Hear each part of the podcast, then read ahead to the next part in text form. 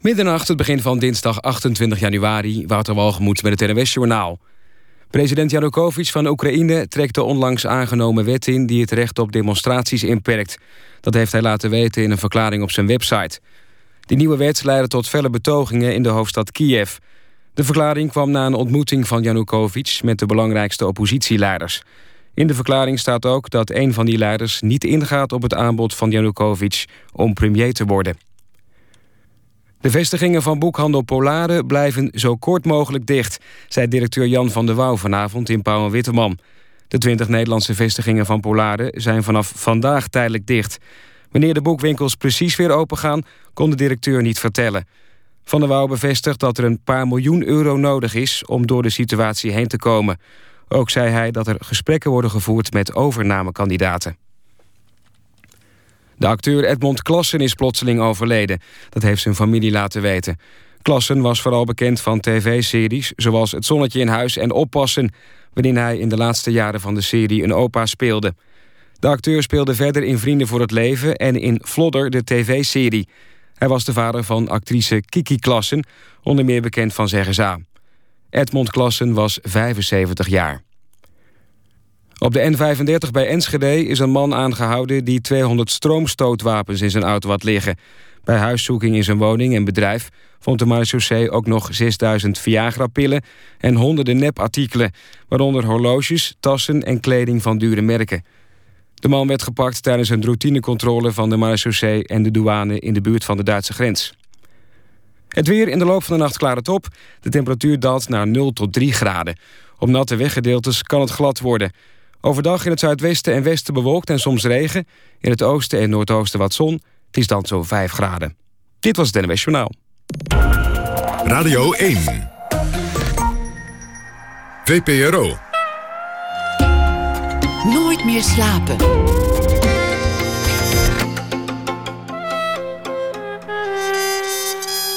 Met Pieter van der Wielen. Goedenacht en welkom bij Nooit meer slapen. Druktransporten en curryworst en mensen die hun ziel verkopen aan de duivel. Dat krijgt u allemaal na één uur voor de kiezen. Dan besteden we aandacht aan Auke van Stralens Tankstellen. Dat is een misdaadroman die speelt in pompstations langs de autobaan. Onder andere bij Karlsruhe.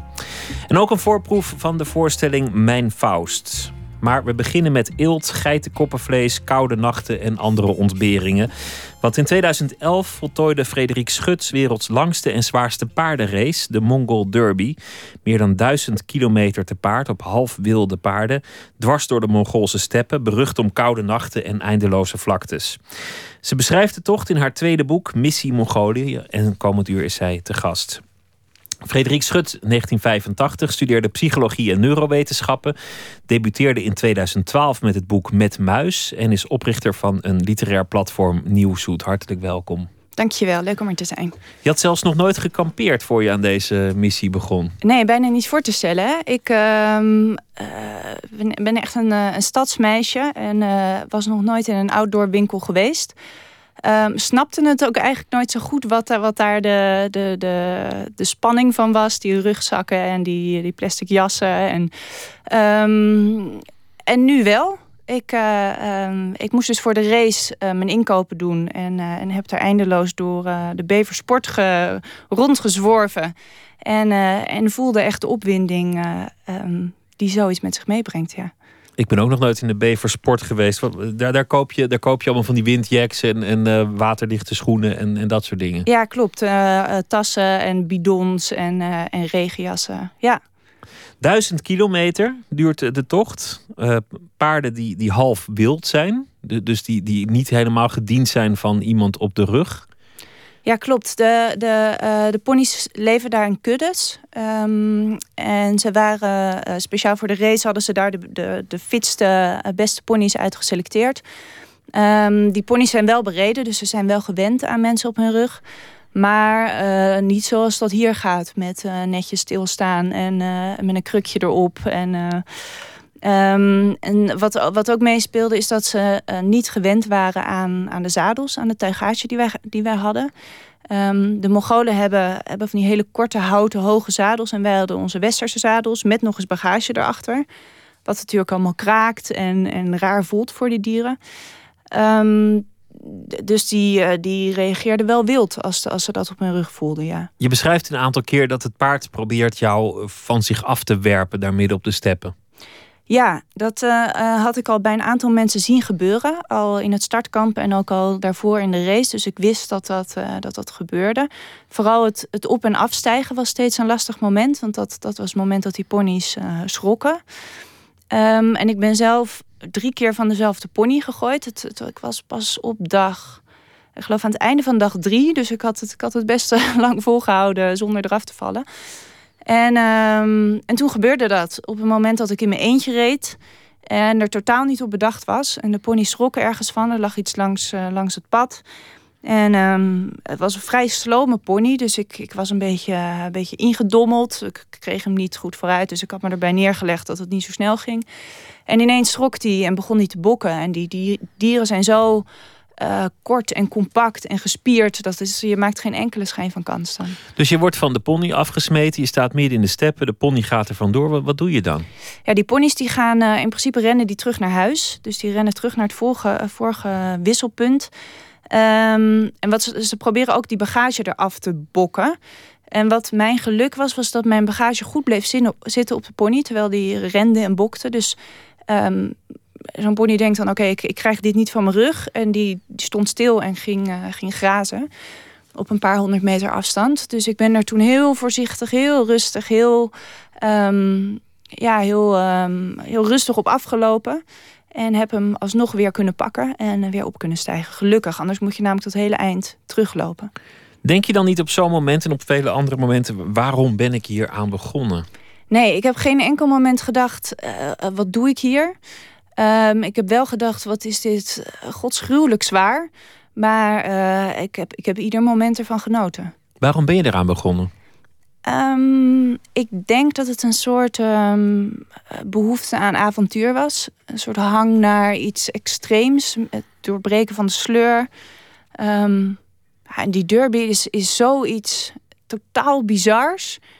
Dat, dat, ja, dat uh, had een enorme aantrekkingskracht op mij. Waar, waar had je voor het eerst gelezen over die derby? Hoe kwam je erachter dat die bestond? Er stond in een paardentijdschrift een artikel over de race. Want je, en... jij bent altijd al een paardenmeisje geweest, ja, zoals dat heet. Ja, ik rijd sinds mijn vijfde paard.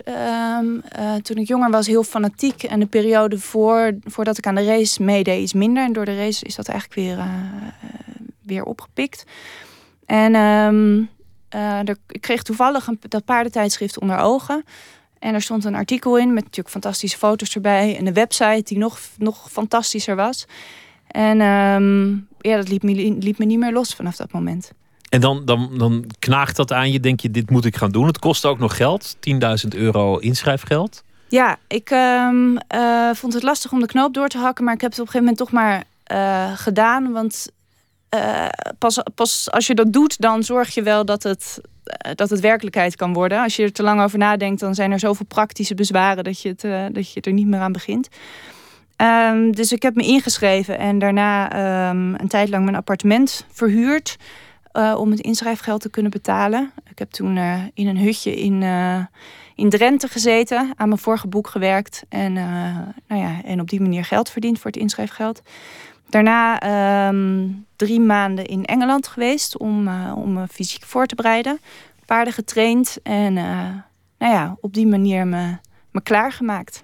Samen met je uh, toenmalige liefde ben je, ben je aan de race begonnen. Wat voor mensen zijn eigenlijk de deelnemers aan zo'n aan zo'n derby? Mm, het zijn allemaal um, natuurlijk fanatieke paardrijders. Er is ook een, een, een soort selectie voor van drie rondes. Dus die, nee, je, moet, je moet gewoon wel goed kunnen paardrijden. Uh, en, en, en mentaal een beetje stabiel zijn. Want je komt natuurlijk wel onder hele extreme omstandigheden terecht. Um, eigenlijk heel verschillende mensen qua karakter. Um, van heel extraverte mensen tot hele rustige types. Maar allemaal wel, ja, er was dat gedeelde, uh, die gedeelde hang naar avontuur.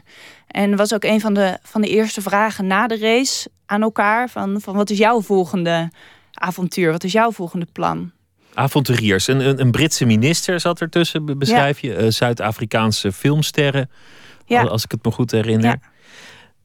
Het, het is een hele zware tocht, duizend kilometer. Nou ja, de, de meeste automobilisten denken dat ze dat even doorhalen, maar te paard is dat natuurlijk een, een, een flinke tocht. Ja, Amsterdam-Milaan is het. Amsterdam-Milaan te paard. Ja, ehm, eh, ponies zijn het, dus ook nog iets, iets kleinere uh, paarden.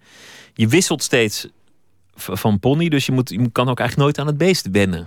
Nee, het is, een, uh, um, het is opgezet naar het, het postsysteem van Genghis Khan. Uh, um, dus verschillende horse stations waar je steeds van, uh, van pony wisselt.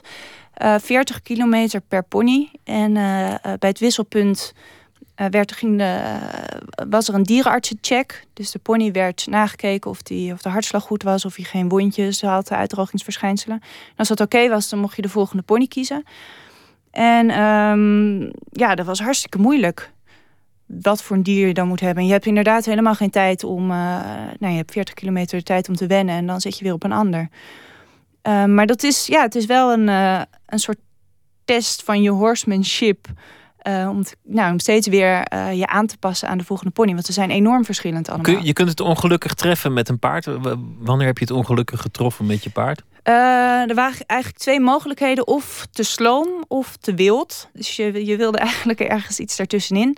Sommige ponies ja, waren gewoon echt niet vooruit te branden. Waren wel fysiek in prima conditie, maar, maar gewoon moeilijk te rijden. Moeilijk, moeilijk voorwaarts te krijgen. En dat is voor zo'n race natuurlijk funest. Want uh, er wordt niet op je gewacht door de andere ruiters. Je rijdt soms samen, maar ja, die rijden dan natuurlijk toch gewoon door.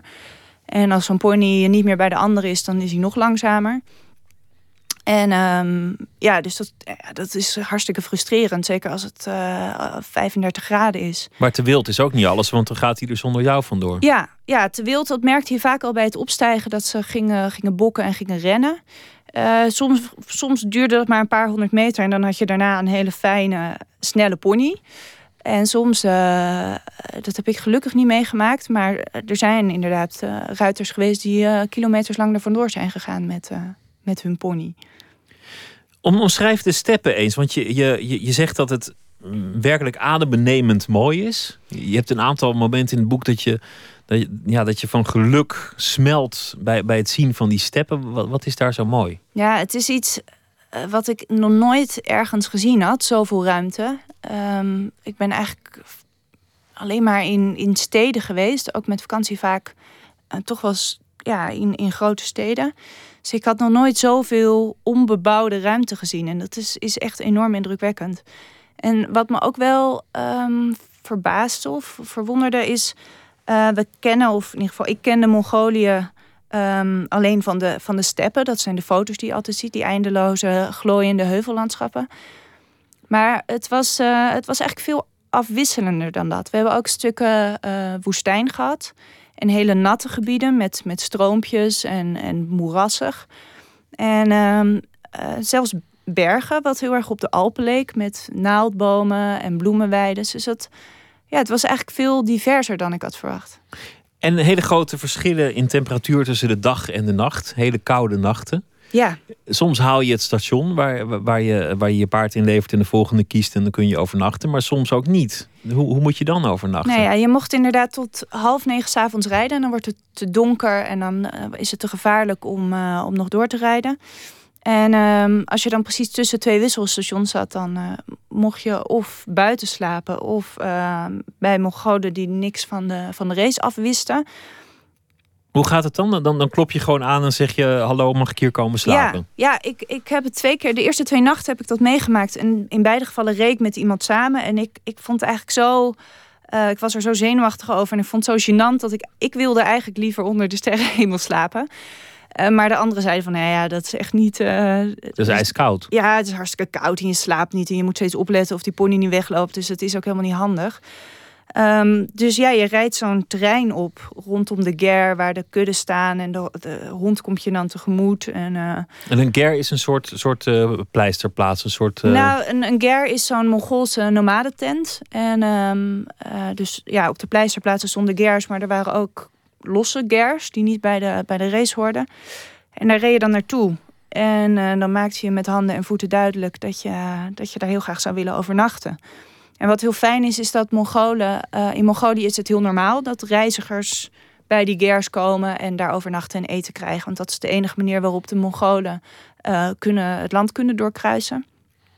En, um, dus je, dat is gastvrij, dus, dus ze laten je wel binnen. Ja.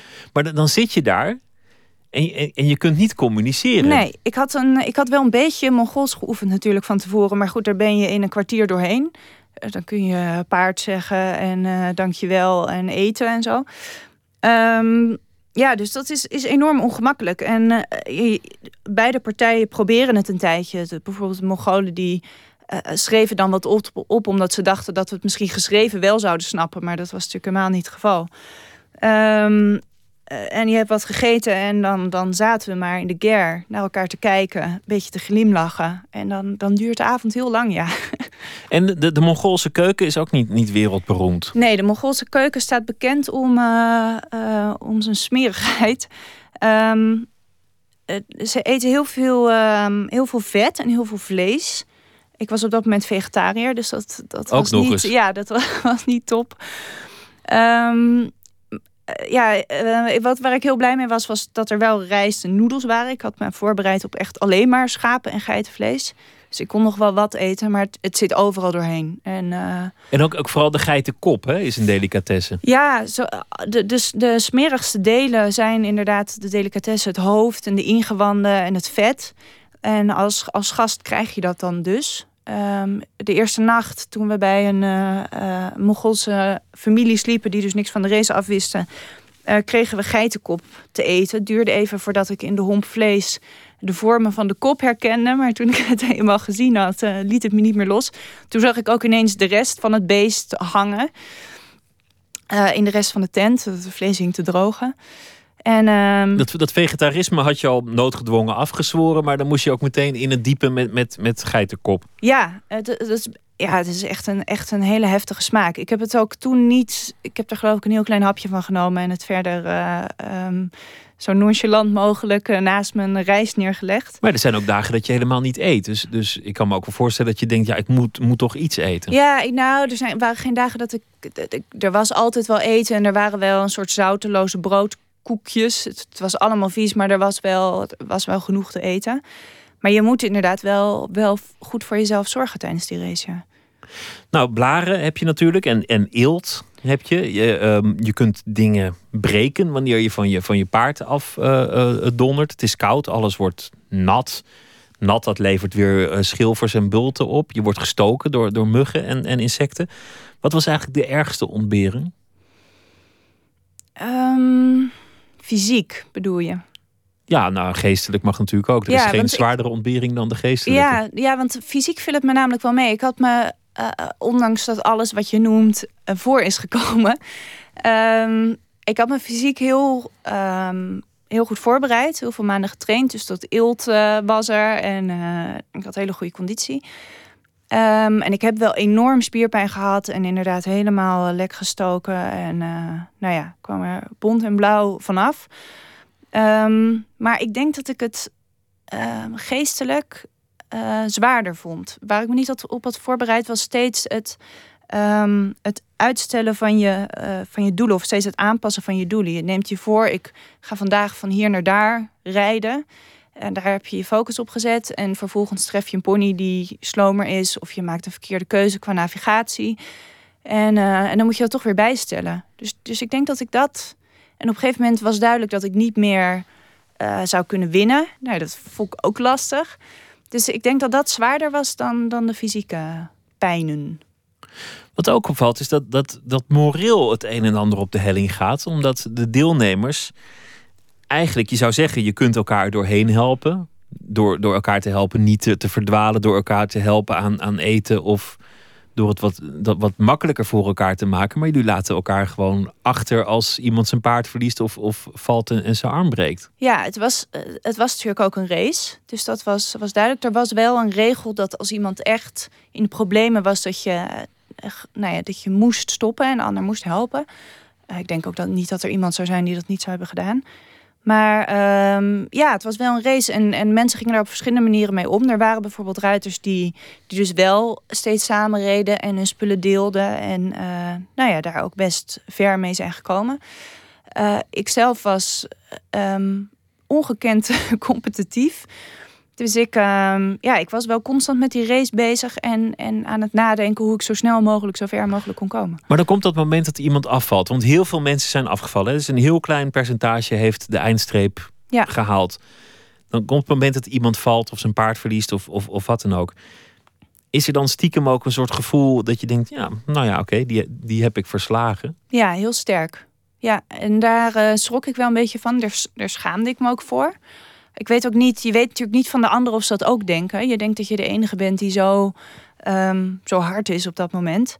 Eh, er was bijvoorbeeld in het startkamp al iemand die ehm, van zijn paard gevallen was en zijn pols gebroken had. En die mocht niet eens starten. En dat was eigenlijk de eerste keer dat ik dacht, oh mooi. Dat is eentje Die, die minder. hebben we alvast. Ja, die is alvast, eh, die doet niet meer mee. En de ander verloor zijn duim. Ja, er was ehm, een Chinese deelnemer die van zijn pony sprong op een wisselpunt en zijn duim zat nog in de teugel. En de pony schrok op dat moment en ging wild doen en zijn duim is er toen eh, afgerukt. Dus dat was, eh, ja, was wel hef- heftig nieuws. Maar ook weer dat je dacht, nou... Die heb je ook verslagen. Ja, We gaan luisteren naar eh, muziek. We konden het niet laten om, om, om, om paardenplaten uit te kiezen. En dit is natuurlijk wel misschien wel de bekendste paardenplaat. Of in ieder geval een van de, de Rolling Stones, Wild Horses.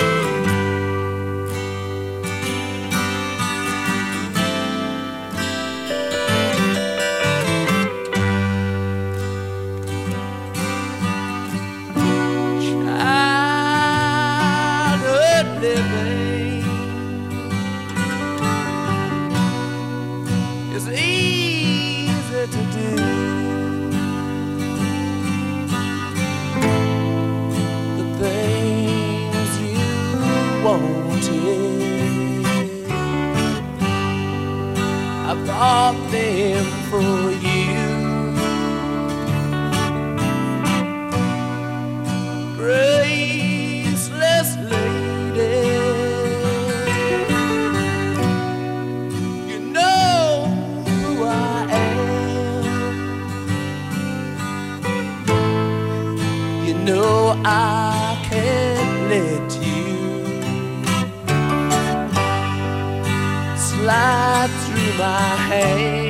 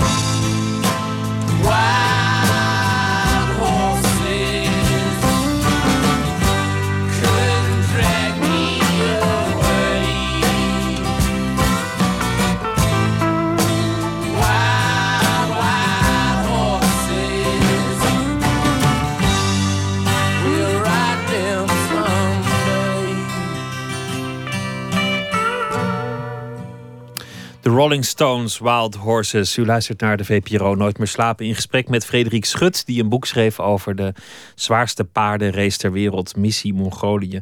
Hoe, hoe kijk je er eigenlijk op terug? Is dit eh, een, een onvergetelijke mooie ervaring? Ja, het is, het is absoluut het, meest bijzondere, eh, meest geweldige wat ik ooit in mijn leven heb gedaan. Dat werd van tevoren ook wel al gezegd. Van, van weet dat je echt een, een life-changing ehm, ervaring gaat hebben. En dat, dat is het absoluut geweest. Maar eh, wat het, het, het heeft ook, een, ehm, ook wel een soort leegte achtergelaten. Een, een- of een, misschien kan ik beter zeggen, een, een verslaving gekweekt. Het moet nu nog av- avontuurlijker. Ja, nou ja, of, of ik ben wel op zoek naar iets, iets vergelijkbaars. Ja, het, het gewone leven is wel saaier geworden daardoor. Is dat die leegte die je bedoelt? Ja, Want dat, dat valt, valt wel op in het boek. Dat, ehm, nou ja, kijk, een beetje afzien is, is altijd leuk omdat het resultaten op kan leveren. Maar, maar hier lijkt het af en toe op een masochistische wijze om, om het afzien te gaan.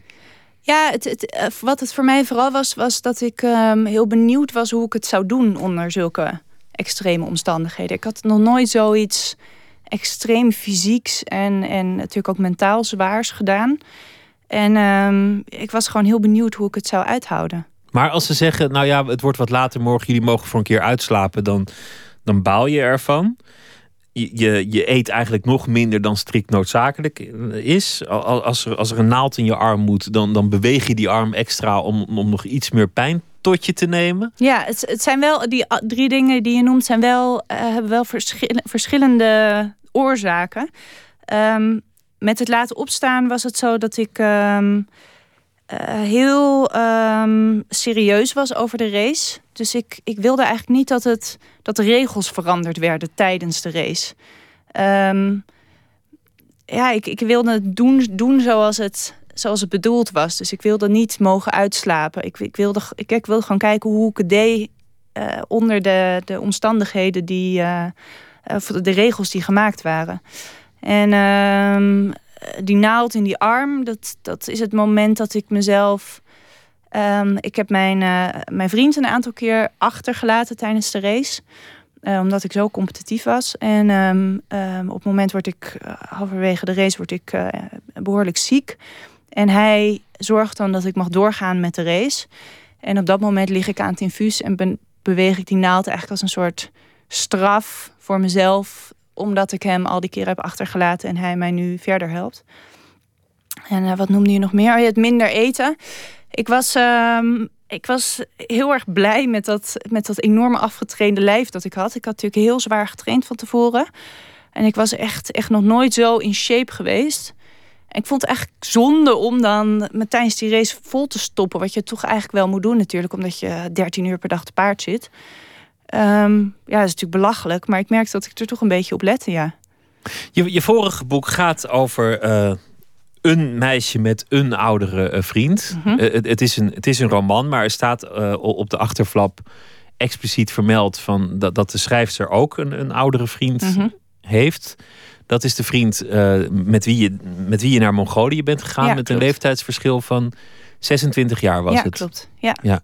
In het, in het boek dat je schreef is, is het meisje 14 en, en, en de man dan eh 46. Dus, dus nog een iets groter leeftijdsverschil ja, dan, het is iets dan extremer gemaakt dan het eh, in werkelijkheid was. Ja, een, een, eh, een Nabokov, maar dan eh, beschreven vanuit Lolita. vanuit Lolita. Ja. Ja. Ehm, In, in dat boek beschrijf je eigenlijk ook. Het is, het is een, een semi-autobiografisch boek. Daarin beschrijf je ook uh, dat dat meisje op een gegeven moment weigert nog langer te eten. Mhm. Dat komt in dit boek ook weer voor, Ja, die, die, ja, die, een- eetstoornis. Ja, het is een, eenzelfde, eenzelfde thema dat terugkomt. Ik heb tijdens mijn eh, puberteit eh, een tijdje een eetstoornis gehad. Niet heel extreem, niet zo extreem als je het eh, soms voorbij ziet of hoort komen. Eh, maar dat speelde wel toen. En ehm, ja, ik denk dat je er nooit helemaal 100% vanaf komt. Dus dat blijft, blijft altijd een, een thema. En ehm, nou ja, dus tijdens die, tijdens die race ook. En het kwam op een gegeven moment ook wel, wel goed van pas. Want ik was toen eh, eh, ziek geworden, extreem misselijk. En ehm, toen kwam een van de, van de eh, organisatoren naar me toe. En die zei, misschien is het handig als je even, even overgeeft. En ik dacht, ah yes, dat kan ik. Dat, dat heb je getraind, dat heb je geoefend. Dat ja, kwam bijna en op dat was, was jaren geleden. Maar ik dacht, ah ja, dat komt nu wel, komt nu wel goed van pas. Zo'n eetstoornis heeft eh, volgens mij ook vaak te maken met, met het ehm, controle willen hebben. Met een soort streven naar, naar volmaakte controle over jezelf. Een soort disciplinering. Mhm, Kijk, ja. eens, kijk eens, dit kan ik. Kijk eens hoe goed ik hierin ben. Mhm. Ja, ik denk dat dat wel, eh, dat dat wel klopt. En dat dat ook wel terugkomt in, ehm, nou ja, in zo, eh, zo st- strikt met die race bezig zijn. En eh, nou ja, dat afzien wel lekker vinden. Ja. Stilte. Ja, ik, nou, ik, ik, probeer, ik probeer dat, dat te begrijpen. Wa- Waarom, waarom je zo streng voor jezelf bent. En, en waarom, je, waarom je op een gegeven moment gaat genieten van dat afzien. En waarom dat eigenlijk niet extreem genoeg kan zijn. Ja, ik vind het. Ik weet niet zo goed hoe ik dat zou moeten uitleggen. Ehm, het is een. ehm, moeilijk. Is, is dat er altijd al geweest? Ehm, ja, ik denk het wel. Ik denk wel dat ik. eh, ik was ook altijd heel stipt met mijn huiswerk maken en met mijn kamer schoonmaken. En, maar het is raar, want aan de ene kant is er dat, maar aan de andere kant is er ook een. eh, Nou ja, dus die hang naar avontuur en eh, losbandigheid. En eh, ehm, los van alle saaiheid en sleur en eh, burgerlijkheid. Ja, dus het, ik weet niet. Dat, ik denk dat in die race die twee kanten heel erg samenkwamen. Aan de ene kant het totaal onvoorspelbare. ehm, Destructieve ook wel. ja, ja, het gevaarlijke.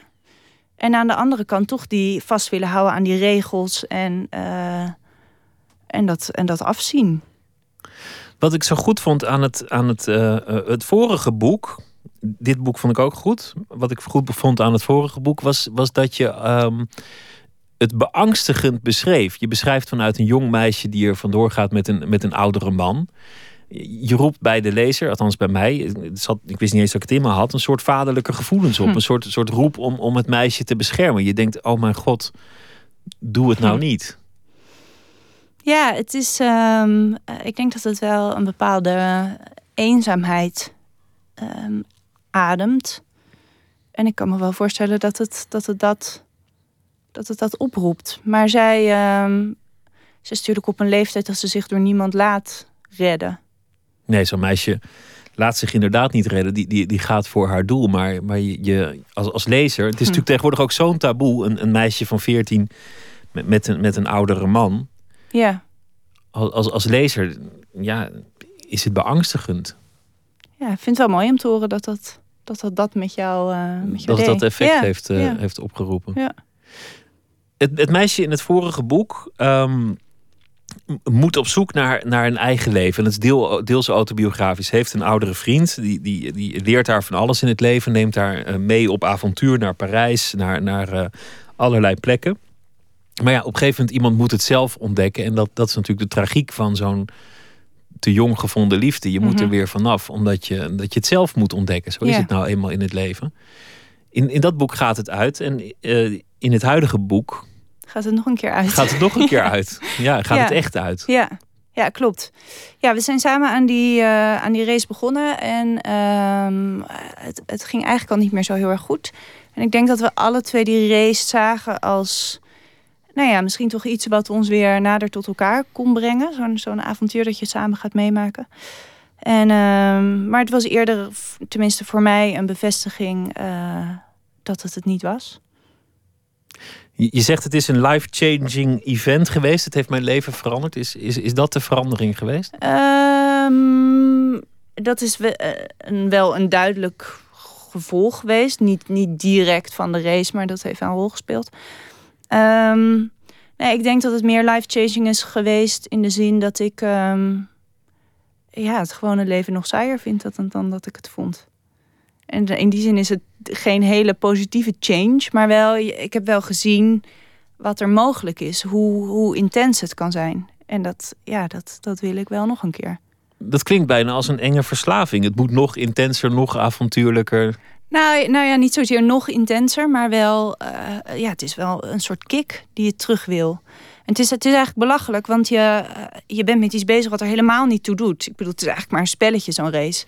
En uh, de uitkomst heeft helemaal geen enkel gevolg verder. Um, en toch is het, is het meer echt leven, denk ik, dan, um, dan van wat ik nu van maandag tot vrijdag doe. Maar thuis op de bank zitten en, en naar de televisie kijken of met de, met de kat op schoot een boek lezen, dat is toch ook echt leven? Dat is misschien, misschien nog wel meer leven eigenlijk. Ja, het, het is, het, natuurlijk is dat echt leven. En, en uh, misschien is het ook meer leven, maar het is, het is minder intens leven. Maar is intens, is, is intens waar je naar op zoek bent, is dat altijd goed? Um, het is wel lekker af en toe. Je moet het natuurlijk ook niet constant hebben. Maar af en toe zo'n kick is wel, is wel fijn, ja. Ja, maar je, je zei net nog meer. Nou, in ieder geval vergelijkbaar. Dit was al wel, uh, dit was al wel zo extreem. Ik weet niet of, of ik hier nog overheen moet. Maar uh, wel in ieder geval iets wat eraan zou kunnen tippen. Je hebt inmiddels een, een, een nieuwe liefde. Die, uh, en, en die, is, die, is, die is weer, zei je net, wat, wat ouder dan jezelf. Ja, die is 23 jaar ouder. Dus er, oh, ja. begint, er, begint, een patroon zichtbaar te Jullie worden. groeien al naar elkaar toe, de ja, liefde. Het is drie jaar, drie jaar jonger, ja. Dus ik ga, de, ik ga de goede kant op. Maar goed, dit, dit keer ben je 28 uh, als je eraan begint. Dus dan, dan, ja, dan spelen dat soort problemen nee, natuurlijk niet. het is een totaal andere situatie. Een totaal andere uh, verhouding. Ja. Twee boeken geschreven. Allebei ontzettend mooi uh, geschreven. Maar allebei ook deels non-fictie. Of in ieder geval heel erg autobiografisch. Het eerste boek was wel echt denk ik een, een roman. Zij ja. het autobiografisch geïnspireerd. Dit, dit is echt non-fictie. Dat, dat lijkt een soort verschil met heel veel andere schrijvers die, die het leven verzinnen.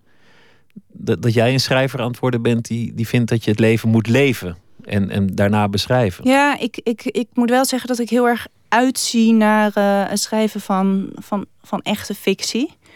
Um, ik denk dat bij veel schrijvers het eerste boek vrij autobiografisch is, omdat dat, nou ja, dat, dat ligt voor het grijpen en dat moet eruit. En er is een soort noodzaak om dat. Uh, uit je systeem te krijgen. En als je daar een mooie vorm voor kunt vinden, dan uh, nou ja, kan dat een, een mooi boek worden.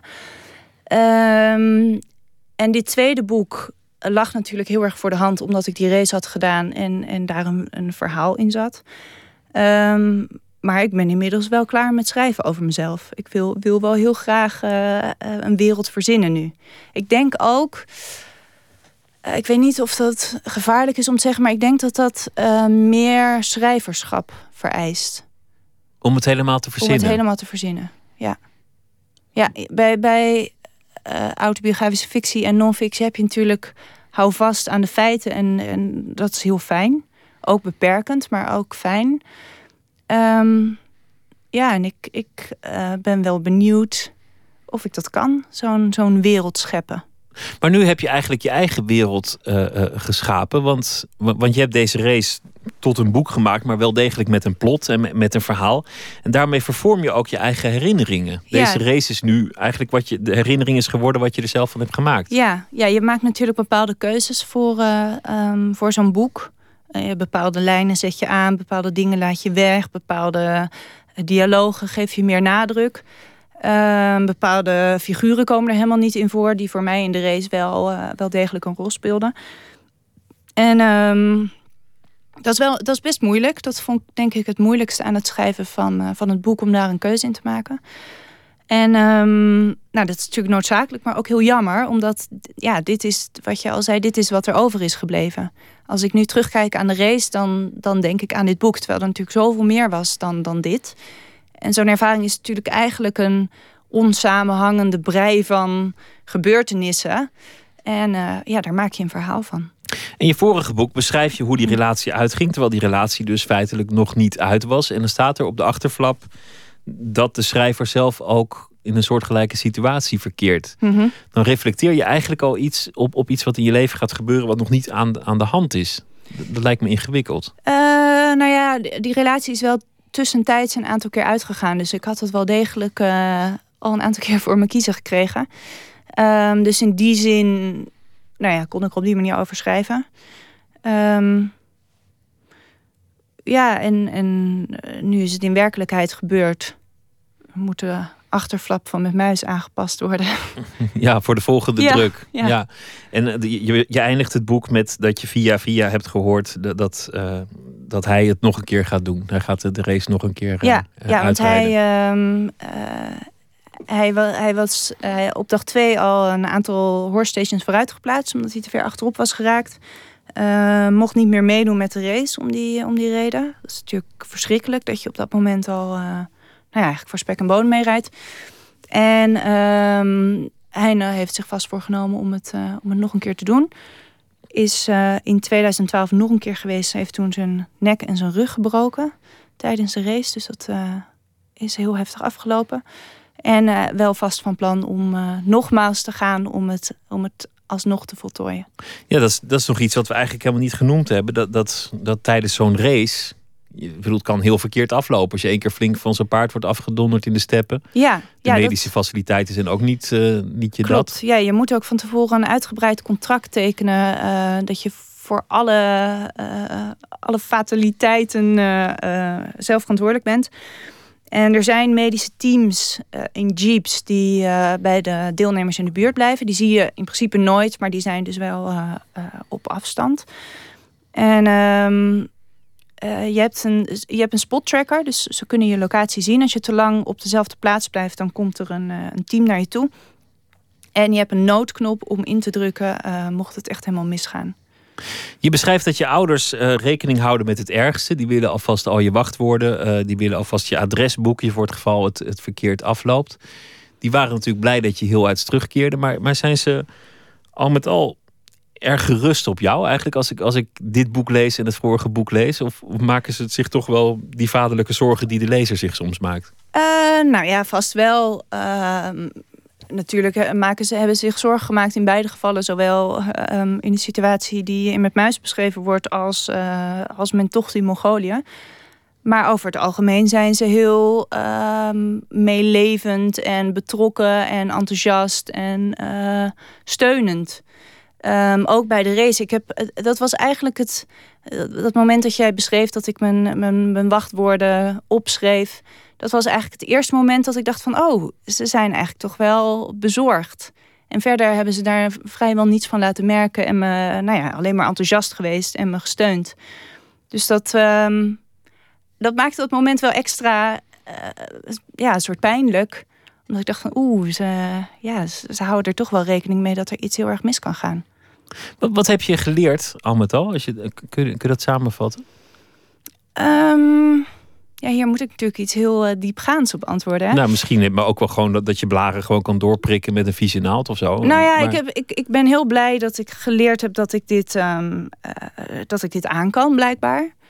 Um, ik was van tevoren heel zenuwachtig um, voor de moment dat ik alleen zou rijden. Ik hoopte heel erg dat het zou gebeuren. maar ik was er ook bang voor. Uh, ik had echt geen idee of ik dan misschien in paniek zou raken of, of stomme dingen zou doen. Maar ik bleek best wel rustig te blijven. En, en wel, nou ja, niet altijd de juiste beslissingen te maken. Maar wel mezelf uit de situatie te redden. Dus dat heel, was heel fijn om, uh, om achter te komen. En um, wat ik, waar ik ook achter kwam is dat ik best wel competitief ben. En dat wist ik al wel. Maar dat, uh, ja, daar kwam ik daar nog wel eens. Uh, werd wel met mijn neus op de feiten gedrukt. En ik denk dat dat nou ja, onder dat soort omstandigheden ook best wel zinvol kan zijn. En, uh, um, Maar ja, ik, ik was daar wel een beetje van geschrokken hoe, hoe hard ik werd eigenlijk tijdens die race. Terwijl ik dat in het normale leven niet zo uitgesproken, nou ja, niet, niet zo hard ben. Um, ja, dus dat, ik heb wel mezelf beter leren kennen. We gaan het ook nog hebben over uh, het platform waar je mee bezig bent. Want uh, uh, je hebt ook nog een, een gewoon leven hier. Um, ja. Er is vandaag heel veel in het nieuws over Polaren. De, de, de boekwinkelketen die, die al dan niet failliet gaat. En die de winkels sluiten en weer, en weer -hmm. openen. Jij bent oprichter van platform Nieuw Zoet. En, en dat is, dat is een, een webwinkel voor boeken. Want je hebt, je hebt een, een, enorme liefde voor literatuur. Maar er zit ook een ander concept aan waarbij je eigenlijk probeert om, om de recensenten te omzeilen. Ik, hoop dat ik het goed zeg. Uh, ja, ja, zo kun het wel zeggen. Um, wat wij, of misschien is dat niet zo sympathiek om te zeggen, maar uh, wat wij doen is, um, we zijn een platform gestart um, om mensen een manier te bieden om op een nieuwe wijze boeken te ontdekken. Um, op dit moment, er is eigenlijk zo'n overvloed aan boeken dat het heel lastig is om uh, tussen dat enorme aanbod de boeken te vinden die passen bij wat jij graag leest. Dus um, wat mensen doen is dat ze uh, op de tafels kijken in de boekwinkels. Of inderdaad op internet kijken of recensenten lezen. En vaak zijn dat steeds dezelfde boeken die terugkomen. Dus, dus iedereen leest eigenlijk een beetje de bestsellers. Maar dat is wat iedereen nu ook zegt. Als de boek, boekwinkels weggaan, dan, dan hebben ze niet meer die, die gidsfunctie die heel belangrijk is. Hè? De boekhandelaar die dan tegen de klant zegt... waarom lees je dit niet eens? Of dit is een heel ja. goed boek. Of misschien vind je dit wel wat. Ja, we willen uh, in die zin die functie een beetje overnemen, maar dan online. Wat wij doen is dat we samenwerken met vrijwel alle uitgeverijen in Nederland. En zij voegen um, extra data aan hun titels toe. En dan moet je denken aan informatie over de schrijfstijl of over de humor, over de complexiteit, over de thema's. Dus echt inhoudelijke metadata. En die gebruiken wij om uh, de boeken te matchen aan het profiel dat mensen aanmaken. Dus het is een soort dating site. En je krijgt als een soort sneak preview, zoals je dat in, in, de, mm -hmm. in de bioscoop hebt, krijg je een stuk te lezen zonder vooroordelen. Dus je weet niet eens wat je leest. Ja, we sturen de leesfragmenten uit zonder het titel, cover en auteur. Dus je krijgt het begin van het boek zonder dat je weet wat het is. En dat is echt een, uh, dat is een heel leuk spelletje. Um, en je wordt enorm geconfronteerd met je eigen smaak en je eigen vooroordelen. En uh, je kunt vervolgens op de informatieknop klikken en dan, nou ja, dan zie je wat voor een boek het is. Krijg je de cover en de flaptekst en de titel. En uh, ja, dat is heel verrassend soms. Ja, want, want recensenten, hoe, hoe kijk je daar tegenaan? Zijn die niet objectief? Uh, nee, die zijn natuurlijk niet, niet objectief. Dat, dat, is denk ik onmogelijk. die hebben ook hun eigen kennis en hun eigen smaak. Um, en ik denk dat dat, ik denk als mensen een recensent hebben gevonden die aansluit bij hun, uh, hun smaak en hun voorkeuren, dan, dan kan dat heel fijn zijn. Um, maar wat ik vaak heb is ja, dat, dat het advies van anderen niet aansluit bij wat ik zelf goed en slecht vind. Dat is een mooi initiatief. Dat heet uh, Platform Nieuw uh, Zoet. En ik noem ook de titel van het boek, uh, Missie Mongolië. Frederik Schut, dank je wel. Was leuk dat je te gast was. En ik ben benieuwd welke avonturen je hierna jezelf op de hals gaat halen. Ik ook. Dank je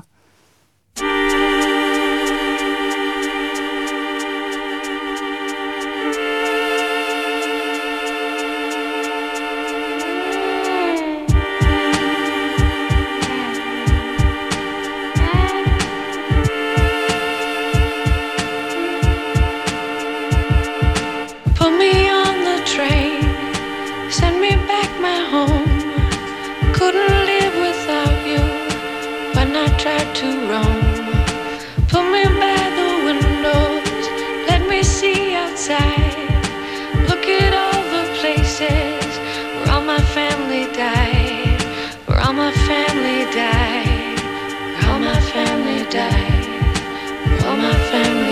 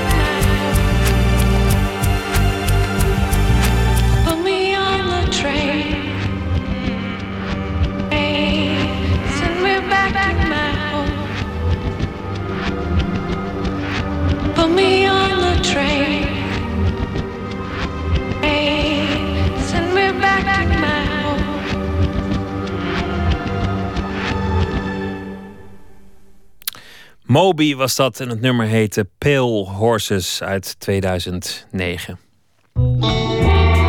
Nooit meer slapen.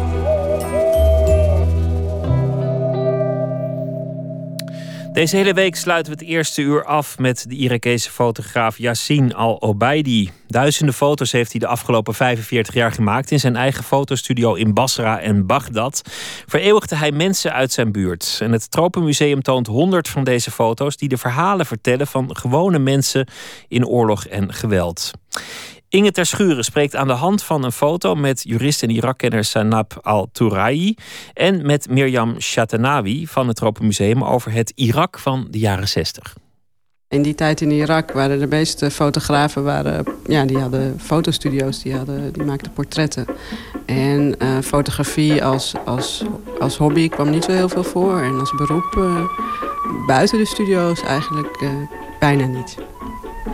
Gebruikelijk dat je in Irak foto's laat maken van jezelf. Dus eigenlijk, je moet je voorstellen dat elk gezin eens per jaar naar de fotostudio ging als een soort van uitje en daar foto's van zichzelf liet maken. Dus echt portretfoto's. De foto's in fotostudio Baghdad zijn gemaakt door fotograaf Yassine Al-Obedi. Er ligt hier een foto voor ons op tafel uh, van de fotograaf uit uh, 1968 met zijn uh, camera. Is deze gemaakt in zijn uh, eigen studio, Mirjam? Nou, op deze foto is hij uh, nog maar 17 jaar. En um, hij is begonnen nou, tijdens zijn schooltijd eigenlijk. En later tijdens zijn studie. Om in fotostudio's te werken. En daar te helpen. Omdat hij, nou, omdat hij dat heel interessant vond. En dit is een van de eerste studio's waar hij, waar die heel veel heeft gewerkt.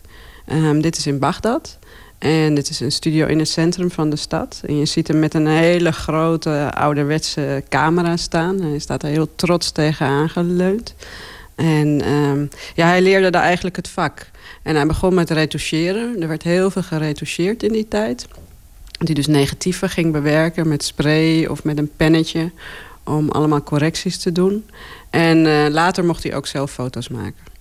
En wat is er zo bijzonder aan de foto's van deze fotograaf dat er een uh, tentoonstelling in het Tropenmuseum aan wordt gewijd? Ja, wat wij er bijzonder aan vonden is dat ja, je ziet heel veel foto's uit Irak, maar dat zijn altijd nieuwsfoto's. Dus dat is altijd uh, ellende en geweld en trieste foto's. En deze foto's laten eigenlijk zien hoe Irakezen zichzelf lieten portretteren. Um, nou ja, gedurende al die tijd, bijna 50 jaar. En eigenlijk hoe ze zichzelf wilden laten zien aan, aan de buitenwereld. En dat is iets wat je, wat je niet zoveel ziet.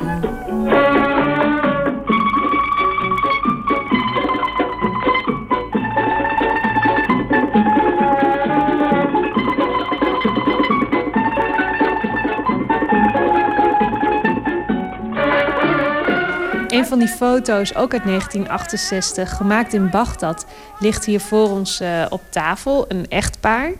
Um, kun je beschrijven hoe zij erop staan? Ja, de man die heeft een, uh, heeft een net pak aan met een stropdas. En uh, nou, hij heeft een flinke snor. Dat komt ook omdat dat is bijgeretoucheerd, dus, dus bijgetekend. En zijn wenkbrauwen ook, die zijn flink uh, bijgewerkt, zodat hij hele zware wenkbrauwen heeft. En die mevrouw heeft een hele mooie, elegante jurk aan met een veehals en uh, zonder mouwen. Dus met blote armen. En ze heeft uh, sieraden om, uh, kettingen, oorbellen. En ze heeft haar haar ja, of kort of een beetje opgestoken. Dat kunnen we niet zo goed zien. Maar ja, het is een hele knappe vrouw. En, ook haar wenkbrauwen zijn flink bijgetekend om een soort filmster look te krijgen. Ik denk dat het weer dat deze twee wel een goed beeld geven van het leven destijds. Dat het, uh, het leven voor vrouwen, dat die we toen nog heel veel vrijheid hadden. Dat weerspiegelt deze foto, denk ik wel. Het is een hele chique tante. Uh, ze draagt geen hoofddoek. Ze... ze heeft blote armen en een, en een veehals, dus ze bedekt zich niet heel erg. Nee, in die tijd uh, hadden vrouwen veel meer vrijheid om zichzelf te kleden en te laten zien zoals zij dat zelf wensten. Ik denk dat als je deze foto, een foto uit die tijd uit Europa zou halen, dat het dan niet zo heel veel verschil zou zijn, toch Mirjam? Nee, ik denk niet als je, als je zou zeggen, nou dit zijn Frans of Italianen, dan, uh, dan geloof je het ook. Ja. Op de andere foto waar de fotograaf zelf op staat, staat hij inderdaad met zo'n hele grote ouderwetse camera. Was dat de apparatuur waar hij in die beginjaren zijn foto's mee maakte? Ja, hij was heel trots dat hij uh, met de nieuwste apparatuur werkte. En uh, ja, hij, uh, toen hij zijn eigen fotostudio had, is hij naar Milaan gegaan om speciaal apparatuur daar te kopen, zodat hij het nieuwste van het nieuwste had. Dat was ook belangrijk, omdat ehm, mensen kwamen graag naar zo'n studio, maar ook omdat ze, ze wilden, ja, ze wilden, mensen wilden graag dat je de allernieuwste technieken had. En, ehm, dus hij kocht als eerste een, kleuren, een kleurencamera en ontwikkelapparaten. Maar hij gebruikt ook allemaal filters en lenzen... om allemaal effecten te bereiken die je nu met Photoshop hebt. Maar dat, uh, dat deed hij toen allemaal met de hand.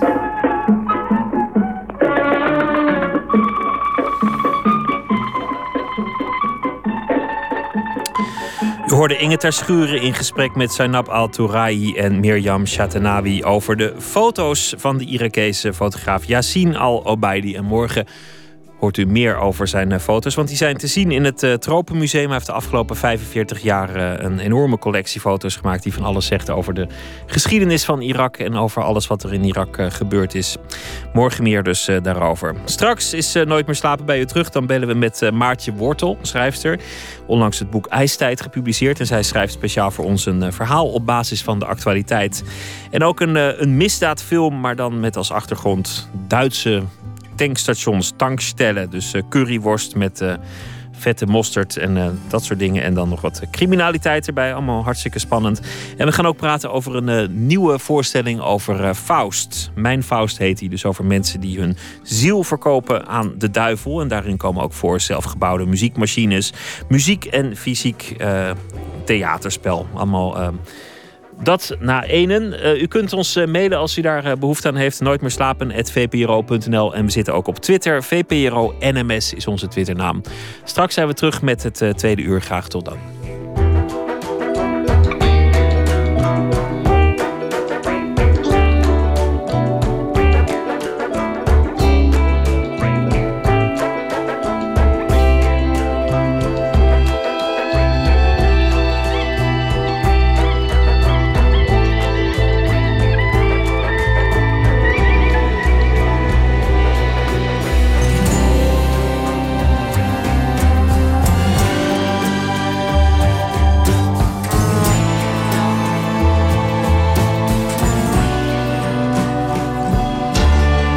Radio 1. Het nieuws van alle kanten.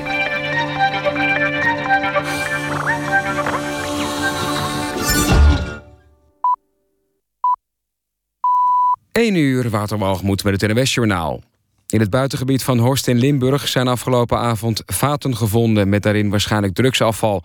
Volgens de brandweer zijn de gesloten vaten niet gevaarlijk voor de omgeving.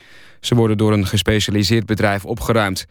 De laatste tijd wordt er steeds vaker afval uit drugslaboratoria gevonden in de natuur, vooral in Brabant en Limburg. Afgelopen weekend nog was het raak in Tegelen en Loon op Zand. Bij Loon op Zand kwam een wandelaar zo'n 100 jerrycans en vaten tegen op een zandpad.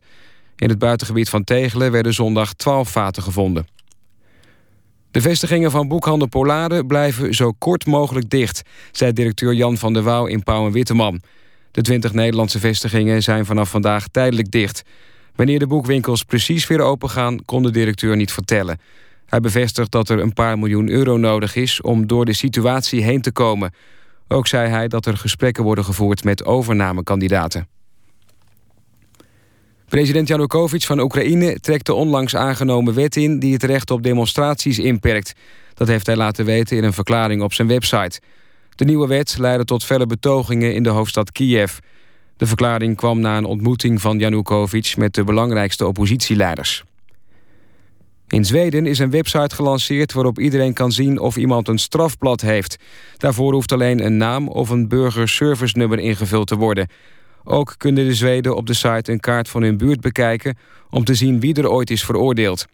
Volgens de advocaat die de internetdienst Lexbase heeft opgezet is de site bijvoorbeeld handig voor vrouwen die meer willen weten over een man met wie ze voor het eerst uitgaan. Het weer in de loop van de nacht klaart het op. De temperatuur daalt naar 0 tot 3 graden. Op natte weggedeeltes kan het glad worden. Overdag in het zuidwesten en westen bewolkt en soms regen. In het oosten en noordoosten wat zon. En het is zo'n 5 graden. Dit was het NWS. Radio 1. VPRO. Meer slapen.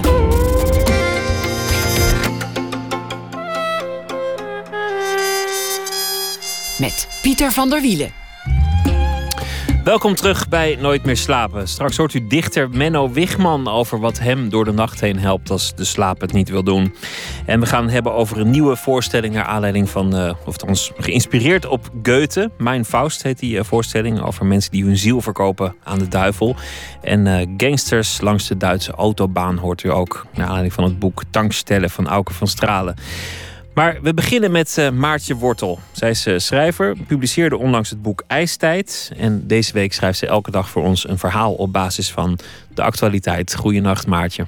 Goedenacht Pieter, hallo. Hallo. Zo. Wat een mooi nieuws net over die... Uh, over Zweden? ja. Ja, ik, ik, ik, goh, wat, wat, wat moet je daarmee? Dat je dan dat je op internet gaat zien wie er bij jou in de straat allemaal een strafblad hebben.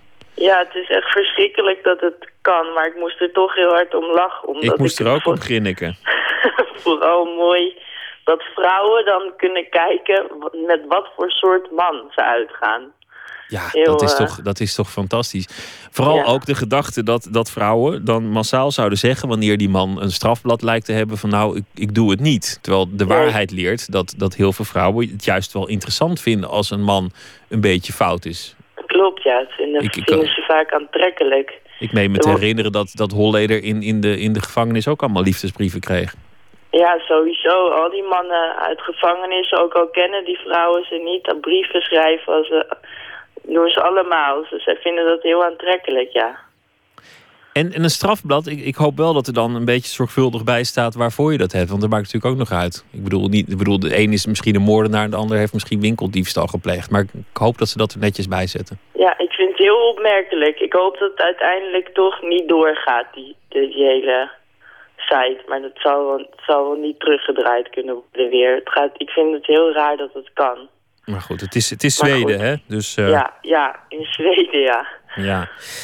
Nou, wat, wat heeft jou geïnspireerd tot het schrijven van een verhaal uh, vandaag? Um, nou, zou ik het eerst voorlezen of niet? Dat is misschien fijn. Ik, heb, ik ken het verhaal niet, dus, dus misschien kan jij beoordelen wat het beste werkt voor de... Nou, ik kan het ook wel gewoon vertellen eigenlijk hoor. De geheimzinnigheid om niks eigenlijk.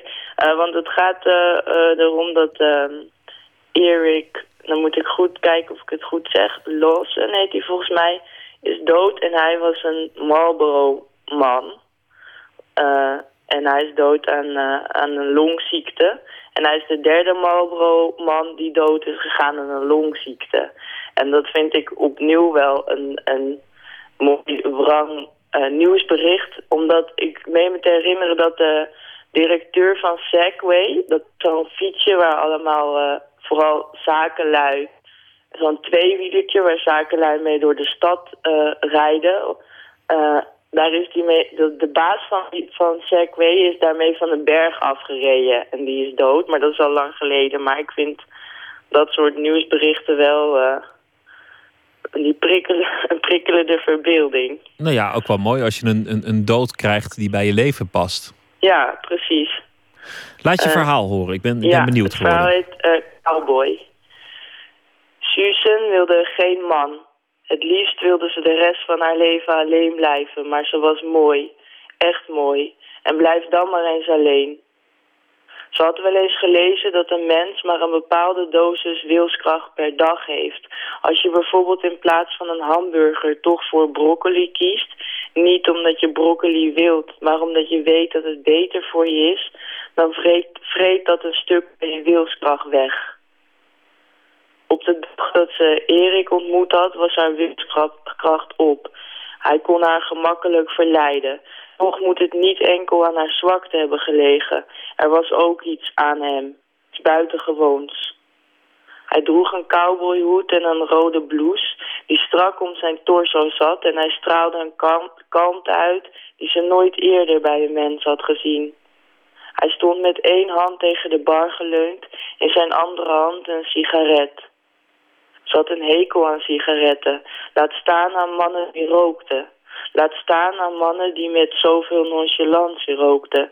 Maar hij stond daar, Erik dus, alsof hij een reclame maakte voor het leven in plaats van voor de dood. Ze had hem al die jaren op haar eigen manier liefkozend advocaat van de duivel genoemd, waarop hij stevast antwoordde, wie heeft er een god nodig? En dan stak hij er weer een op en dan rookte hij alsof hij een levend kunstwerk was. Op het laatst lag hij in een veel te groot bed in een kamer die blauw stond van de rook. Eriks longen piepten zoals ballonnen wanneer je zo langzaam leeg laat lopen. Susan had hem zijn hoed opgezet en hij glimlachte nog één keer naar haar. Ze zag dat het hem moeite kostte en dat was goed, want alles was makkelijk genoeg geweest. Mooi, ja. Ja, dat is, ja, je maakt reclame voor het leven natuurlijk. Dat, dat, is, dat is eigenlijk, je verkoopt altijd iets anders met een reclame. Daar, daar vind ik ook niet dat je, dat je eigenlijk heel hard moet lachen als wat sommigen dan doen. Hè? Niet, niet jij, maar als, als zo'n Marlboro-man sterft. Dat, ja. Uh, ja, die bedoel, hij heeft sigaretten verkocht, maar hij was een, een icoon eigenlijk om iets anders dan de sigaret in zekere zin. Ja, precies. En het, uh, ja, ik, ik vind juist zo'n, ja, ik noem dat het Marlboro, maar een Marlboro-man, ik weet niet hoe je het uitspreekt, maar heel, zoiets is heel aantrekkelijk dat uh, een mens zelf een bepaalde levensstijl kan vertegenwoordigen waar iedereen intrapt als je dat in beeld brengt en dat je dat na wil gaan doen. Want ik, ik las ook dat uh, die, die Marlboro-mannen... Iedereen dacht ook dat dat echt cowboys waren. Of dat dat echt hele wilde, woeste mensen waren. Terwijl het natuurlijk gewoon aantrekkelijke mannen waren die zo van, straat, van de straat waren geplukt. Maar ik vind dat wel heel mooi dat je zoiets uit kan stralen wat iedereen wil. Ja, en eigenlijk wil je vrijheid, je wil een wild leven en, en wat je koopt is een verslaving. Ja. Dat is, uh, dat... En het is ook jammer, vind ik, dat, het, dat de droom vervlogen is met het roken. Dat het gewoon nooit gelukt is om een gezonde sigaret te ontwerpen. Dat, dat, dat snap ik niet dat dat niet kan. Ik bedoel, je moet er al iets. Ja, oké, je hebt dan die e-sigaretten, maar dat vind ik toch niet het echte werk. Maar je moet er al een sigaret eh, die alleen maar vitamine bevat kunnen maken. Maar dan is het weer niet zo aantrekkelijk natuurlijk. Want dat is het hele ja, het, het mooie aan, aan, aan sigaretten of alcohol of drugs of seks of, of alle verslavingen... is dat er iets gevaarlijks in schuilt. Of dat je toch speelt met dat die vrijheid een prijs heeft. En anders is, het meteen, is de charme meteen weg. Nou, dat is een hele mooie... Gelijk. Dat is een mooie gedachte. We, daar, daar, gaan we, daar gaan we mee afsluiten. Met de mooie ja, gedachte dat, is goed. ongevaarlijke dingen gewoon saai zijn. Maartje Wortel, dankjewel en uh, graag tot morgen. Ja, tot morgen Pieter. Doeg. Doeg.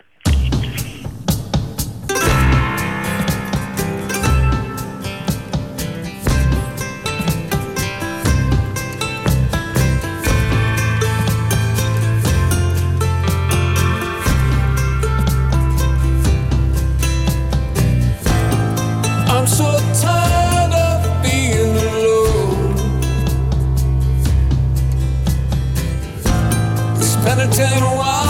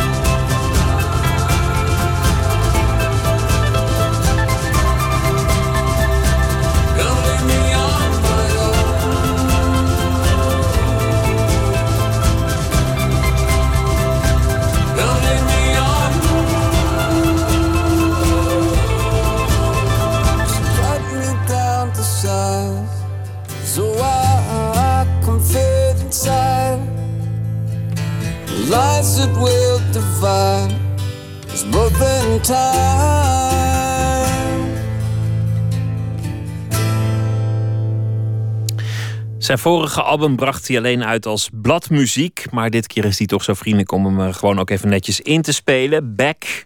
Eh, Het nieuwe plaat komt eraan. En dit eerste nummer is alvast eh, vrijgegeven. Het nummer heet Blue Moon. En de plaat die eraan komt heet Morning Face.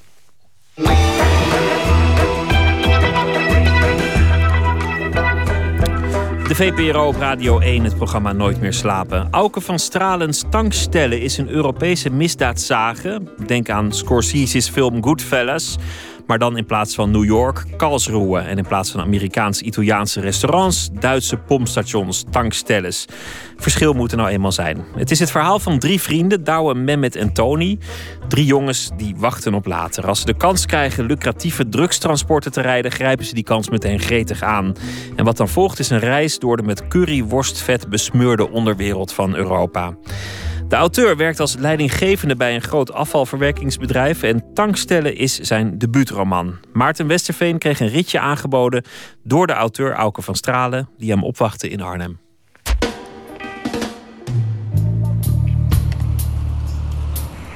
Dag Maarten, bedanken. Hey, goeiedag Auke. Waar sta je ongeveer? Zie ik, je- hoor ik je te zien? Ik eh, sta buiten het station aan de Zonsbeekzijde.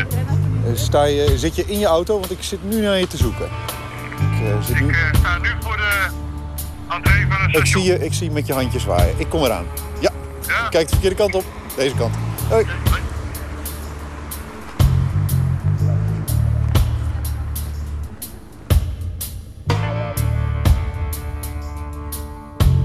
Dit s'avonds rijden, het heeft iets... eh, voor mij houdt het altijd nog iets, iets licht magisch. Als ik zo in een, in een auto in het donker zo ga. Dan voel je je toch heel erg... Je voelt je soeverein, hè? reiziger ook. Hè? Dus eh, je hebt nou de controle over het stuur. Je kan bepalen waar je naartoe wil gaan. Dus dat, dat geeft altijd een mooi gevoel. Hoe later, hoe mooier het ook wordt hoor. Dus eh, met name midden in de nacht vind ik het altijd prachtig. Dan rijd ik ook graag.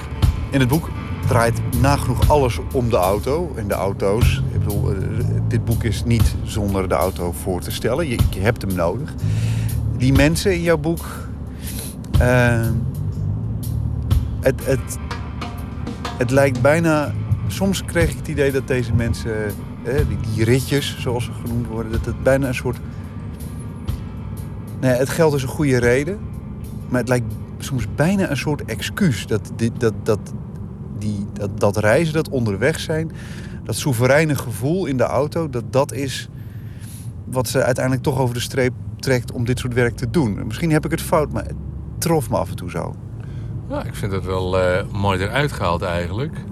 Ik denk dat er ook altijd een uh, bepaald genot, gewin, gemak. En het gewin is duidelijk. Er wordt flink betaald voor ritjes.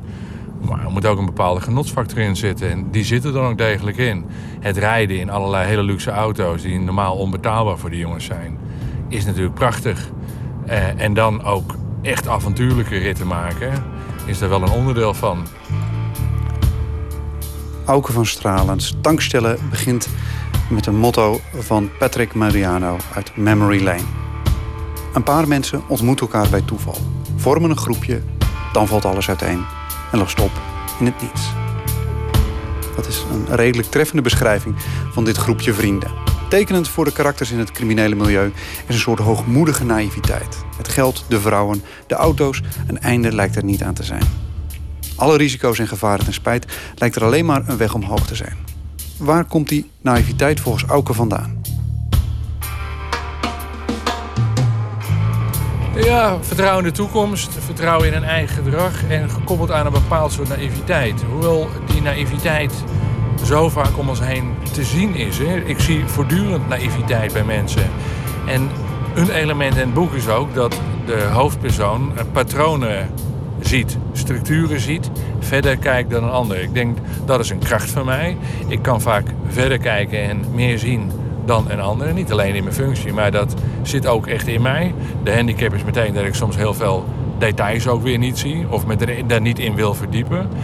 Uh, maar die naïviteit van mensen, je hoeft maar om je heen te kijken. Hoe kan het nou zijn dat wij in een kredietcrisis terecht zijn gekomen en dat mensen dachten dat al die dingen konden?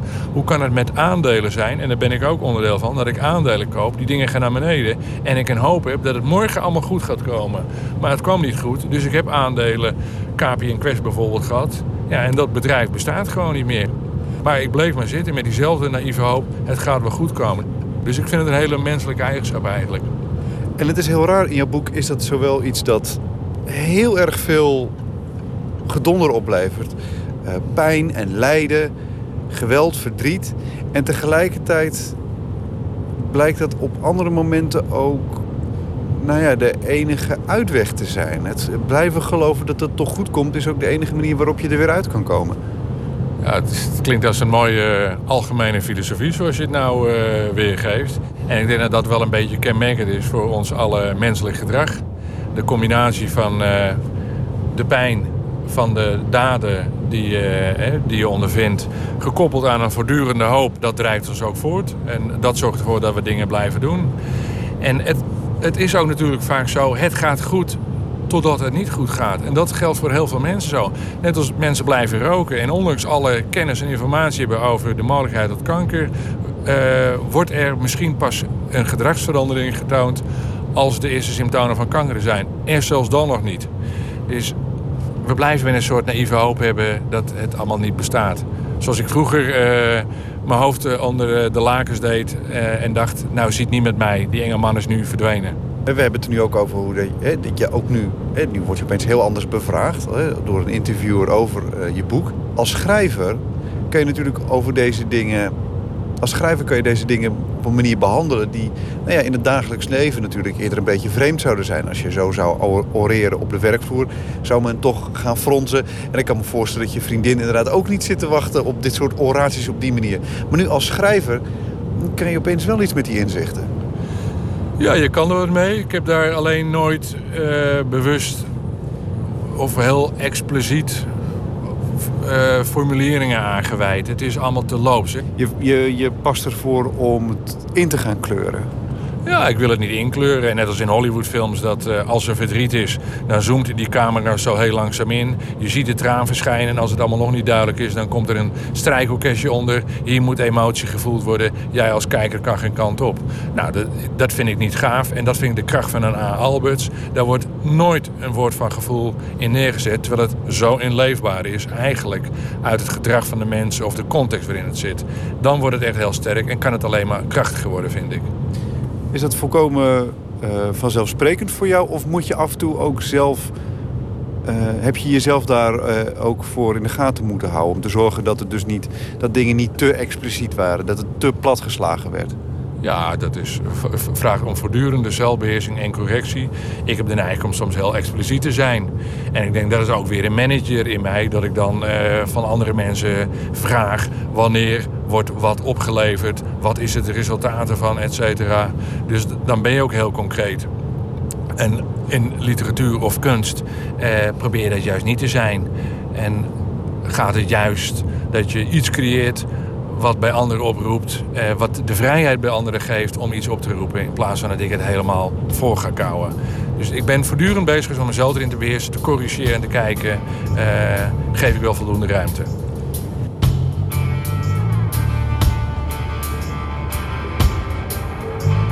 We zitten hier zo te praten en, ehm, en, uh, en, uh, en ik stel jou vraag dan merk ik dat je, je, je, hou, je, je mag graag dan ook beschouwend gaan antwoorden. Hoe dat elders gaat, hè, hoe het in het algemeen gaat. Uh, is, dat, is dat een... Um, is dat, een, is dat schroom? Is, dat, uh, is, dat, uh, opeens, is, is het ook raar opeens om over jezelf op deze manier... in een professionele zin over jezelf te moeten praten? Want als manager, ja, dan, dan heb je een, een heel ander soort functie. Dan praat je niet alleen voor jezelf nu hier als schrijver in de auto met mij... dan gaat het alleen maar om jou. Is dat bevreemdend? Ja, best wel. Uh, vind ik wel onwennig, uh, ongemakkelijk. De aandacht vind ik ongemakkelijk. Uh, en ik ben ook helemaal niet gewend om aangesproken te worden als uh, schrijver zijnde. Dat, dat is een rol die ik nog helemaal niet ken. Dat is wat ik in stilte gedaan heb. En waarvan ik dus gisteravond mijn eerste exemplaar in ontvangst heb mogen nemen. En hopelijk overmorgen dat het in de winkels ligt. Dus ik, dat is een rol die ik niet van mezelf ken en waar ik nog nooit over gesproken. Dus daar ben ik ook naar op zoek. Eh, dat is, dat is helemaal waar. Ja, ik kan me dat ook wel eigenlijk ergens voorstellen. Ja, opeens moet je opeens ook. Maar opeens betekent ook dat je een soort geformuleerde mening over jezelf en je biografie moet hebben. Dat, dat, dat, ik kan me voorstellen dat het inderdaad ook heel verrassend is om opeens over na te moeten denken. Ja, dat, dat is het ook. Of, of over het, het schrijversvak zelf, alsof je daar een hele gefundeerde mening over hebt. Uh, ik ken ook helemaal geen, geen andere schrijvers, daar heb ik ook geen contact mee. Wat lees je zelf graag? Ik vind uit Nederland recentelijk uh, zijn mooie schrijvers en Tommy Wieringa en Peter Buwalda, maar ook een A.L. Snijders, de korte verhaaltjes uh, van hem. Uit Frankrijk lees ik een Patrick Modiano heel graag. Uit Duitsland Ingo Schulze of Daniel Keelman. Uh, maar ook schrijvers die er al niet meer zijn. En A. Alberts uh, wordt niet veel gelezen meer. Prachtig in, uh, in zijn zakelijkheid, zijn eenvoud, zijn kortheid uh, wat in zit. En daarnaast ben ik, zoals heel veel mensen, een omnivoor. dat ook, ook de Donald Duck lees ik. Er zit een ingezonden brief van de Donald Duck in je boek. Dan ben ik eigenlijk, toen ik hem las, dacht ik het ook meteen Um, heb je deze nou uh, rechtstreeks uit de Donald Duck gehaald of, is, um, of heb je die toch zelf verzonnen? Ja, het is toch uh, zelf verzonnen, ja. Ik had geen Donald Duck bij de hand om hem daar uit te halen, ja. Nou, dan moet ik zeggen... Ik weet niet wat voor recensies je gaat krijgen... maar dat was de meest geloofwaardige ingezonden Donald Duck brief die ik in tijden gelezen heb. Dat is uh, heel mooi te horen. Ik weet niet of dit compliment nou een heel groot compliment is, maar ik vind het wel leuk om te horen dat dat, dat ook geloofwaardig is. Ben jij mal trouwens? Hoezo zou dat het, het, het, op dat moment, laten we wel, eh, op zo'n moment moet jij schrijven over een jong meisje dat gepest wordt en dat schrijft naar de Donald Duck. Uh, Doe het maar. Laat dat maar eens even geloofwaardig klinken als volwassen vent die hier nu met mij in de auto zit. Ja, nou, dankjewel. Hè. Dus het is uh, inleven, maar dat geldt uh, ook in een meisje. waar let jij eigenlijk op uh, als het om taal gaat? Um, het mag wel een beetje schuren. En ik denk dat heb ik ook wel geleerd in de beeldende kunst. Dat, laten we zeggen, twee totaal verschillende waarden soms naast elkaar uh, mooi zijn. Dat, dat geldt in de beeldende kunst ook. Iets mag heel erg mooi afgerond zijn en zacht en gepolijst aanvoelen. Maar er mag ook iets heel stekeligs of iets ruw of ongemakkelijks bij zitten. En dat, dat zoek ik ook in de taal. Ben eigenlijk trots op dit boek? Ja, ik word alsmaar trotser. En dat is toch wel de onzekerheid die ik in het begin voelde over de kwaliteit. Ik weet niet hoe andere mensen dit ervaren. Omdat het heel moeilijk is om nog op een gegeven moment afstand te nemen van wat je zelf gemaakt hebt. Maar door de enthousiaste reacties van mensen omheen, oprecht enthousiaste reacties. Eh, dus van mensen die ook helemaal niks kennen en ook helemaal niks met mij te winnen hebben. En als die er enthousiast zijn, dan word ik wel meer bevestigd in wat ik gemaakt ben. Ook trotser. En ja, ik zit nu naar het boek te kijken en dat is toch wel heel gaaf. En ik denk dat ik ook wel eens een boekwinkel op zal zoeken om te kijken of hij op een stapeltje ligt. En zo reden we nog wel eventjes verder. Het oorspronkelijke persbericht vermeldde dat 50% van de ervaringen in het boek eerste hand waren. Daar is later op teruggekomen.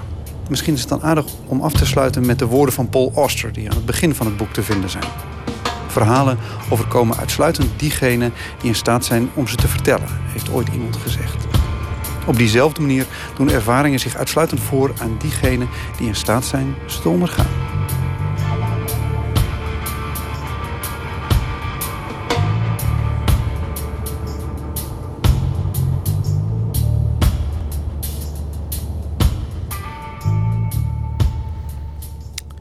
U hoorde Auke van Stralen tijdens een autorit met verslaggever Maarten Westerveen. En daar, uh, tijdens die autorit spraken ze over de debuutroman Tankstellen, verschenen bij Nieuw Amsterdam.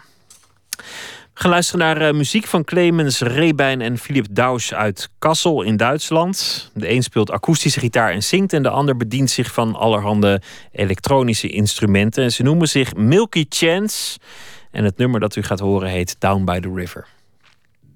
Thank you.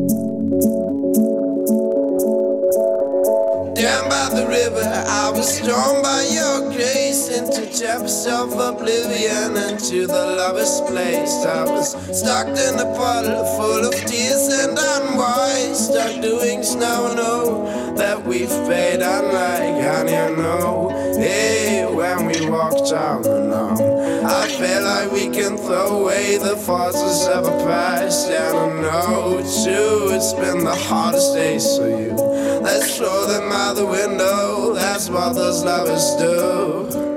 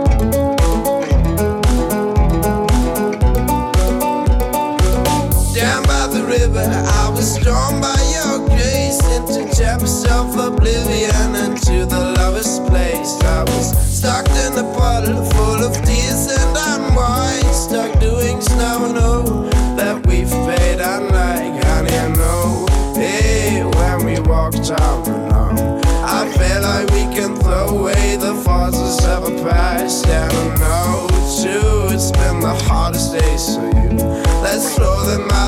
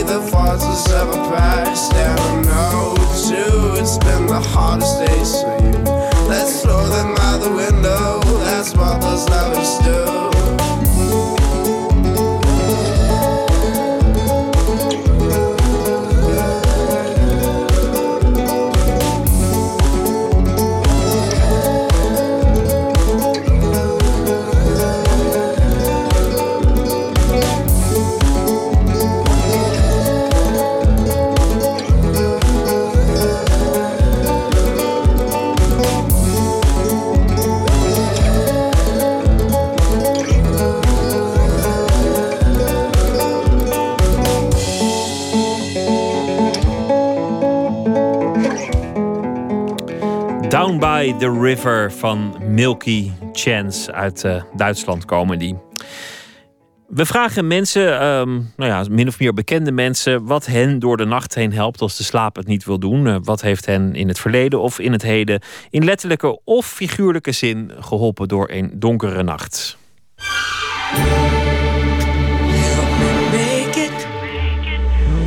En vannacht leggen we die vraag voor aan dichter Menno Wichman.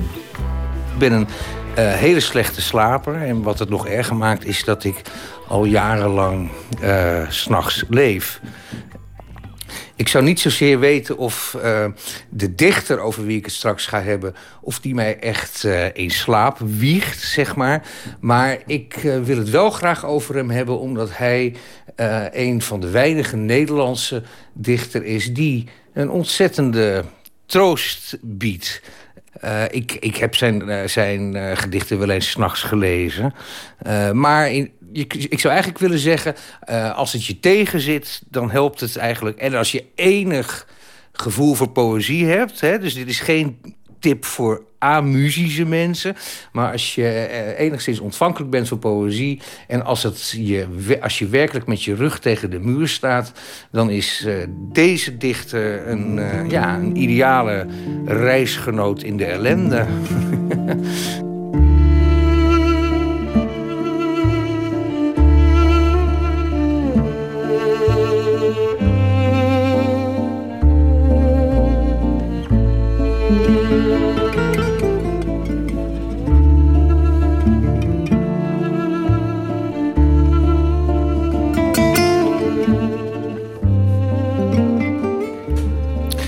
denk dat ik al, uh, al 16 was toen ik uh, voor het eerst uh, van deze dichter bij een bibliotheek een bundel van hem leende. En um, nou wil ik niet zeggen dat ik toen dat alles toen goed bij mij doorkwam, maar ja, deze dichter is eigenlijk mijn leven lang bij me gebleven.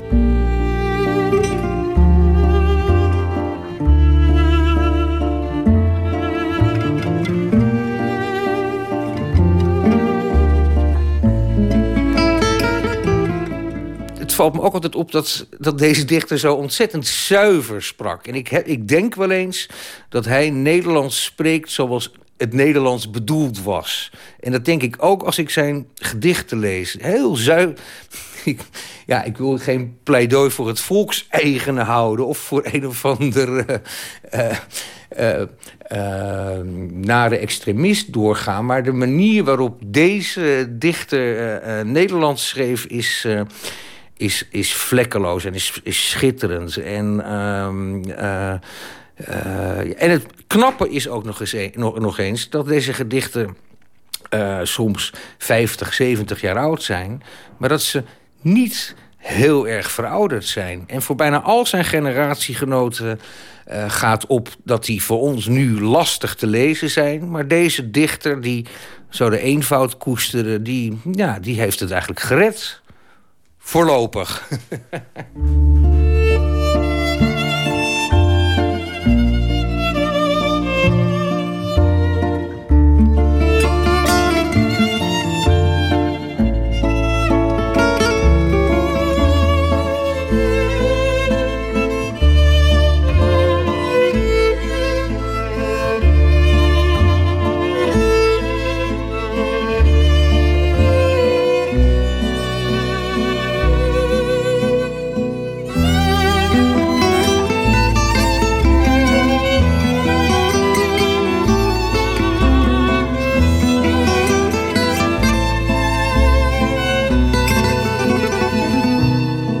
hebben het over uh, zoiets uh, verschrikkelijks als slapeloosheid. Hè?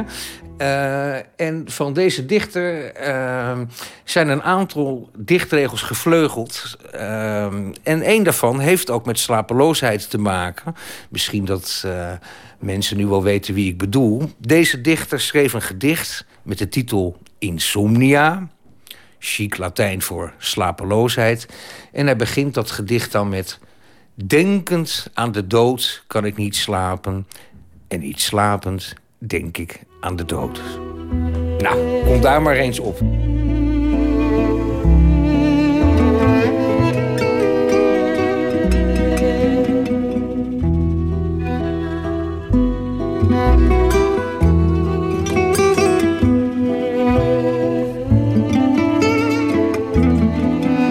Het gedicht dat ik graag wil voorlezen en dat eh, ja, mij toch eh, altijd vertroosting biedt, heet De Gelatene. Ik open het raam en laat het najaar binnen. Het onuitsprekelijke, het van weleer en van altijd. Als ik één ding begeer is het dit tot het laatste te beminnen. Er was in het leven niet heel veel te winnen. Het deert mij niet meer. Heen is elk verweer als men zich op het wereldoude zeer van de miljarden voor ons gaat bezinnen. Jeugd is onrustig zijn en een verdwaasd hunkeren naar onvergankelijke beminden. En eenzaamheid is dan gemis en pijn. Dat is voorbij, zoals het leven haast. Maar in alleen zijn is nu rust te vinden en dan het had zoveel erger kunnen zijn. Through the night.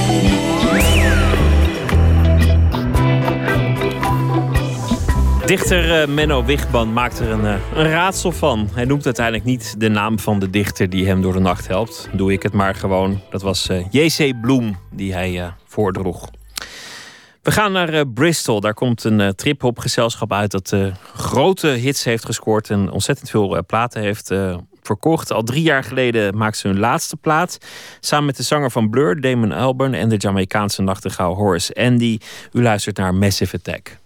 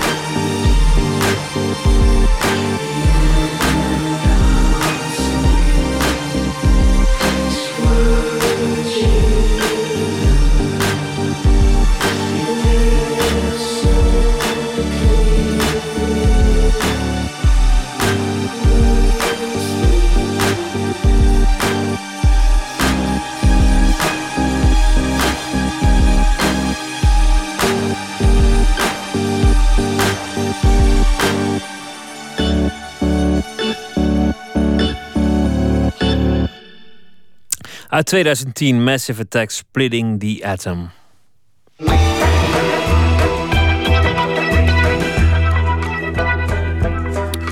U luistert naar Nooit meer slapen. De VPRO zelfgebouwde muziekmachines, video- en fysiek theaterspel vormen de ingrediënten van een nieuwe voorstelling, Mijn Faust.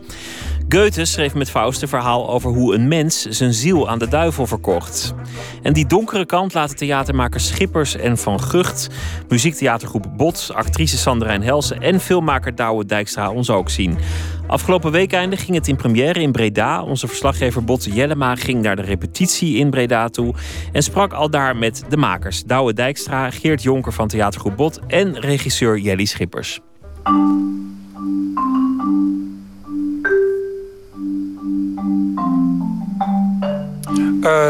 Wij zitten hier in een kamer met een, een vreemdsoortig samenstelsel van uh, machinerie, uh, instrumentarium enzovoorts. Met een, al zou je het niet zeggen, een cel. Maar dan op één hoog. Een cel? Wat voor cel? nou, misschien is het wel een dode cel. Zijn raspende hals hunkert naar een mes. Hij heeft de wijsheid in pacht en zijn ziel onder zijn arm. De machine die hierin staat, dat is een apparaat wat ik ooit voor de staat heb gemaakt. Fijne band uit Nijmegen. Hier heeft hij ook de functie van uh, uh, mechanische ritmebox. Maar het is ook een soort van gehaktmolen waarin we langzaam maar zeker vermalen gaan worden. Ah, oké. Want het staat onder het podium, of, of, de cel, zoals je het noemt. Uh, en die is op, wat is het, anderhalve meter hoogte? Nog niet eens volgens mij. En jullie kruipen er voortdurend onderdoor. Precies, precies. We zijn uh, uh, als bandje Bot zijn we hier continu bezig in de machinekamer om de boel draaiende te houden. Juist. Struikelend over andere instrumenten die er verder ook nog... Nou, nog, nog net niet. Nog net niet. Als we struikelen, dan is dat ook de bedoeling. Vrouw stelde zijn zegeningen. Duivel kon alles ritselen, maar hij had ook zijn handen. Voor wat, hoort wat. Uh, mijn Faust. Jelly, waar gaat die voorstelling over? Um, mijn Faust is een bewerking van het oorspronkelijke Faust-verhaal. Maar wij zoals hebben, Goethe dat zoals heeft. Goethe dat heeft geschreven. Alleen wij nemen Faust niet als hoofdpersonage, maar het meisje waar hij zijn hart aan verliest. Ja. En um, wij horen eigenlijk zijn geschiedenis. Uh, en vooral vanaf het moment dat hij haar ontmoet, ja, in haar hoofd. Dus, dus wij uh, we zitten met z'n allen, mogen we een kijkje nemen in, uh, in het laatste uur van het leven van dit meisje. Kijk, Faust, eventjes misschien de, dat het algemeenste wat er over hem bekend is... is dat hij zijn ziel aan de duivel verkoopt. Precies. Hè? Daar komt het om, in het Ja. beginsel op neer. Hoe kom- komt dat element terug? Ja, ja dus, uh, dus je krijgt wel een soort van het algemene kader uh, te horen en te zien. Uh, d- dus over de man die zijn, zijn ziel verkoopt aan de duivel. Um, en in ruil daarvoor krijgt hij alles wat hij wil totdat hij verzadigd is, totdat hij genoeg heeft. En uh, de duivel die uh, loopt dus uh, nou, jaren achter hem aan hem alles maar te geven. En uiteindelijk heeft hij daar helemaal genoeg van. En wat geeft hij hem? De liefde. En dat maakt dat Faust eigenlijk niet meer hoeft. Hij heeft genoeg aan de liefde. En juist dan komt de duivel voor zijn botten. Maar niet, eigenlijk niet alleen voor de zijne, ook voor die van Gretchen. Want Faust sleept Gretchen mee de ellende in. Ik wil vette schranspartijen. Ik wil een Kalashnikov. Doe mij eeuwig roem. Doe mij niks dan of. Scheur mijn wereldje naar vrouwen. Maak me gek, maak me rijk. Doe maar alles wat ik gemist heb. Doe maar alles tegelijk. Geef er een klap op. Kom op.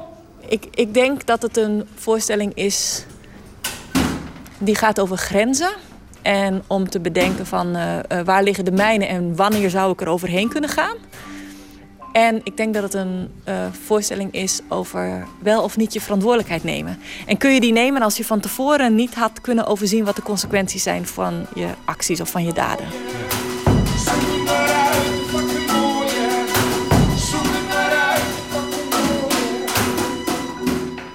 En, en kunnen jullie als, uh, als muziektheatergroep iets met dat, uh, met dat verhaal? Uh, jazeker. Uh, waar voor ons de sport lag, was... Uh, we zijn dus op aanraden van Jelly begonnen bij de oerversie van Goethe. daar is een oude Nederlandse vertaling van. Normaal gesproken schrijven wij onze teksten zelf.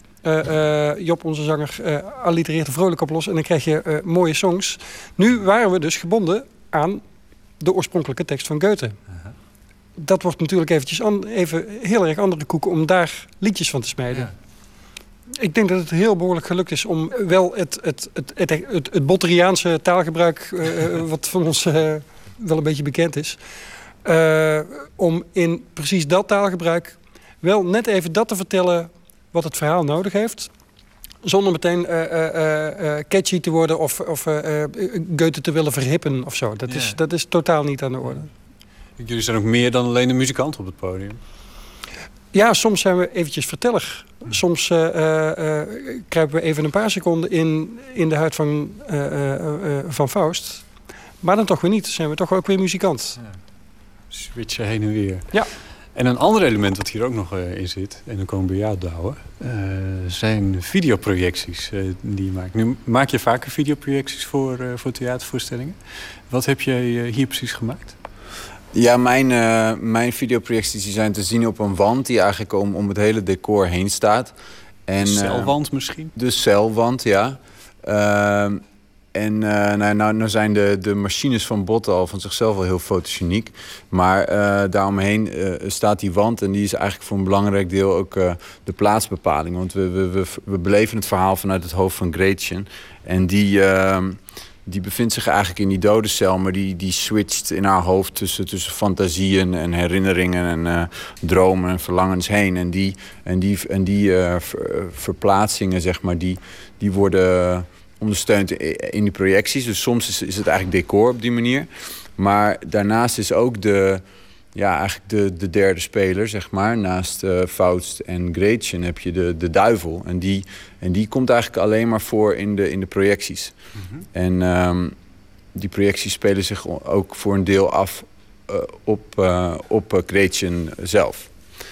Ja, ze, uh, ze, draagt een witte, ze draagt een witte, witte jurk. jurk, ja, om, uh, om, om een reden. En uh, dus, dus op, op bepaalde momenten in de voorstelling zijn, ja, zijn, zijn de spelletjes die, die, die Faust al dan niet met, met hulp van de, van de duivel met haar speelt, die, zijn, die spelen zich af als, als, als projecties op haar jurk. Ja. Kan je er iets over vertellen, wat er dan is te zien? Nou ja, ze krijgt onder andere mooie spulletjes van Faust. En sieraden en kettingen. En, en die ja, die zijn door middel van projecties te zien. En die zijn, uh, ja goed, ik, ik wil het die gaan ook... hun eigen leven leiden op haar lijf. Precies, precies, ja. Die gaan, uh, ja, dit is eigenlijk een soort van, soort van seksscène... Uh, nou ja, goed, waar ze een cadeautje krijgt. En dat cadeautje dat, gaat zijn eigen gang een beetje op haar jurk. Dus, ja. ja. Hoe heb je dat gemaakt? Ja, hoe heb ik dat gedaan? Nou, ik heb, ik heb veel geanimeerd, uh, uh, getekend in de computer. Dat is niet zo vreselijk spannend om te vertellen hoe dat werkt. Maar ik heb wel geprobeerd om, een, uh, heel, om, een heel, zeg maar, om het heel analoog te houden. Want bot, weet je, alles wat bot doet is heel handgemaakt. En je ziet hoe het werkt. Je ziet, je ziet hoe die machines draaien en, en, en hoe ze piepen en kraken. En dus die projecties, die, die, ja, die, zijn, ook, die zijn ook stoffig en vies. Hmm. En... Um, Um, daarvoor heb ik ook veel uh, uh, dingen opgenomen met, uh, met bloem en met stof en met ah, kijk, poeder. Dus ja. Gewoon met een camera en een tafel. Met een camera en, en rotzooi en dat, ja, dat is hier een decor te zien. Okay. Ja. Is het lekker om die elementen bij elkaar te brengen dan daarna? Ja, dat is fantastisch. Mm -hmm. Dit is zo'n zo typische voorstelling, voorstelling waar, je, waar je van tevoren nooit helemaal zeker weet waar je uitkomt omdat, uh, en dat, ik vond het repetitieproces verliep echt heel goed. En iedereen zit in zijn element. En we hebben met z'n allen heel erg het gevoel... oh, dat is onze voorstelling. Of zo typisch bot, typisch bouwen, douwen en typisch Schippers en Van Gucht. En, en dat is eigenlijk uh, het beste wat je kan hebben. Dus het is heerlijk om dat te regisseren. Want iedereen zit een soort van in zijn element. En dan is het aan mij om dat, uh, om dat bij elkaar te brengen. Heb je dan eigenlijk alleen nog de nieuwsgierigheid naar elkaar nodig uh, om, om het een eenheid te laten worden? Ja, heel erg. Die heb je verschrikkelijk nodig. En, uh, en af en toe ook een beetje schuren. Hè? Want wie mag op welk moment het voortouw nemen waar? En welke elementen zijn nu belangrijk? En, uh, en wie moet even naar de achtergrond en wie naar voren? Ehm, het, is een, het is een hele leuke puzzel geweest. Ja, het is een leuke puzzel. Douwe, nog even naar jou. Ik, jullie speelden net eventjes wat, een, een, kort stukje um, in, in een repetitie. Toen uh, moest ik even een paar keer naar jouw projectie kijken. Want uh, van jouw muziekmachine, machine, uh, Geert, daar staat bovenop twee blokken die wat op en neer gaan en daarmee geluid maken. Ja, heipalen. Ja, heipalen. Een soort van. Een soort van heipalen. Um, en die hadden wel enige slagschaduw van de theaterlampen die er waren. Maar ik zag ze achter op de, op de wand nog een keer. Toen dacht ik, hey, dit, dit, dit is niet de schaduw van die dingen zelf, maar die heb je gemaakt. Ja, klopt ja. Ja, er zitten een aantal van dat soort uh, spelletjes in met licht en schaduw. Omdat, kijk, dat is ook het spannende van het werken met projectie en theater. Dat uh, een beam of een projector is feitelijk natuurlijk ook gewoon een lamp. En, en, en, en je kan er letterlijk plaatjes mee, mee schijnen. maar je kan er ook gewoon licht... Um, ja, je maakt ook gewoon licht mee. En in die, in die specifieke scène wordt er alleen maar wit licht gebeamd... wat ook weer zijn eigen schaduwen werpt. maar je kan in tegenstelling tot een theaterlamp kun je schaduwen toevoegen aan het licht. Of eigenlijk schaduwen knippen uit het licht wat je dan weer beamt. Ja, waardoor je dan ja. weer denkt dat er iets tussen de lamp staat, maar dat is niet zo. En uh, dat soort spelletjes uh, uh, vind ik heel erg leuk. Ja. ja. Het, is, het, is, het is meer dan alleen een. Of, ja, het is veel meer dan alleen een scherm waar je, waar je een plaatje op, op, op beamt. Weet je wel? Omdat dat nou helemaal handig is in een, in een decor of zo.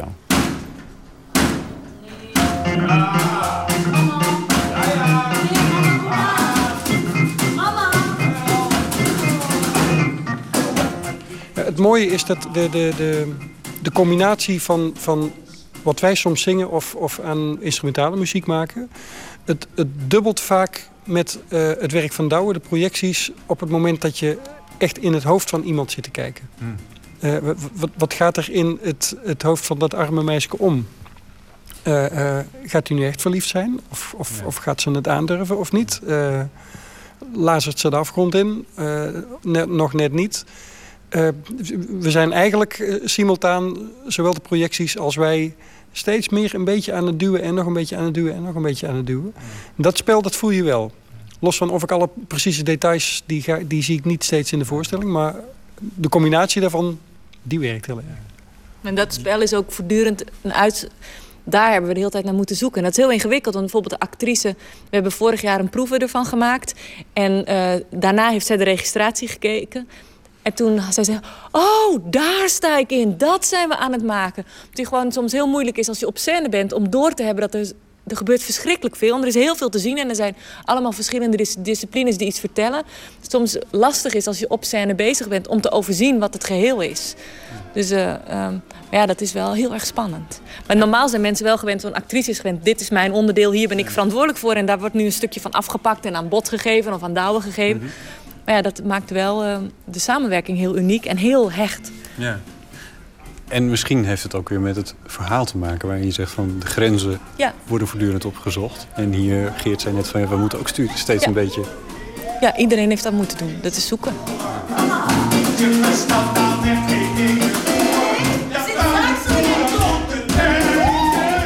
Het is wel superleuk om... Uh uh, op het einde van de rit, op het moment dat die voorstelling klaar is... en je ziet er een, een, registratie van... om er dan achter te komen dat je ineens niet één keer... maar, maar wel 25 keer op het podium staat.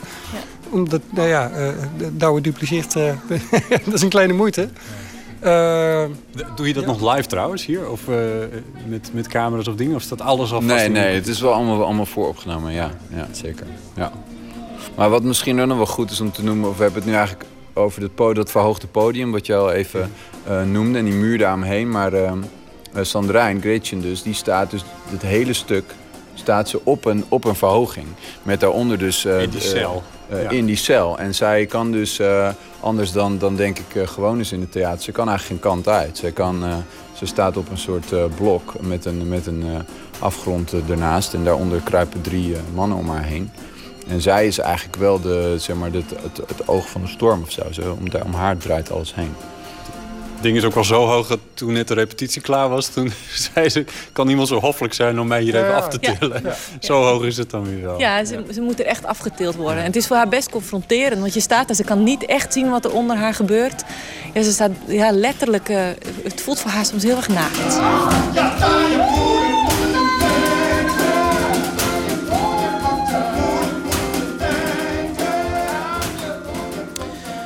Filmmaker Douwe Dijkstra, audiomachinist Geert Jonker van theatergroep Bot en regisseur Jelly Schippers over de voorstelling Mijn Faust. De voorstelling ging vrijdag in première in Breda en is nog tot eind maart in heel Nederland en België te zien. Een bijdrage van Botte Jellema was dat. Morgen in Nooit meer slapen hoort u criminoloog Cyril Feyenoud. Die eh, heeft een boek geschreven, Criminologie en strafrechtsbedeling. En dat is een omvangrijk werk over de geschiedenis van de georganiseerde misdaad in Europa in de VS. En lessen die ze over en weer van elkaar kunnen trekken. Dus eh, zware criminaliteit morgen in Nooit meer slapen. Graag tot dan. En in het tweede uur hebben we weer allerhande cultuur. Fijn dat u heeft geluisterd. Ik wens u nog een hele mooie nacht. En morgen alvast een hele prettige dag. En straks op Radio 1 kunt u luisteren naar de EO. Dit is de nacht met Saskia Weerstand. Ik wens u een goede nacht.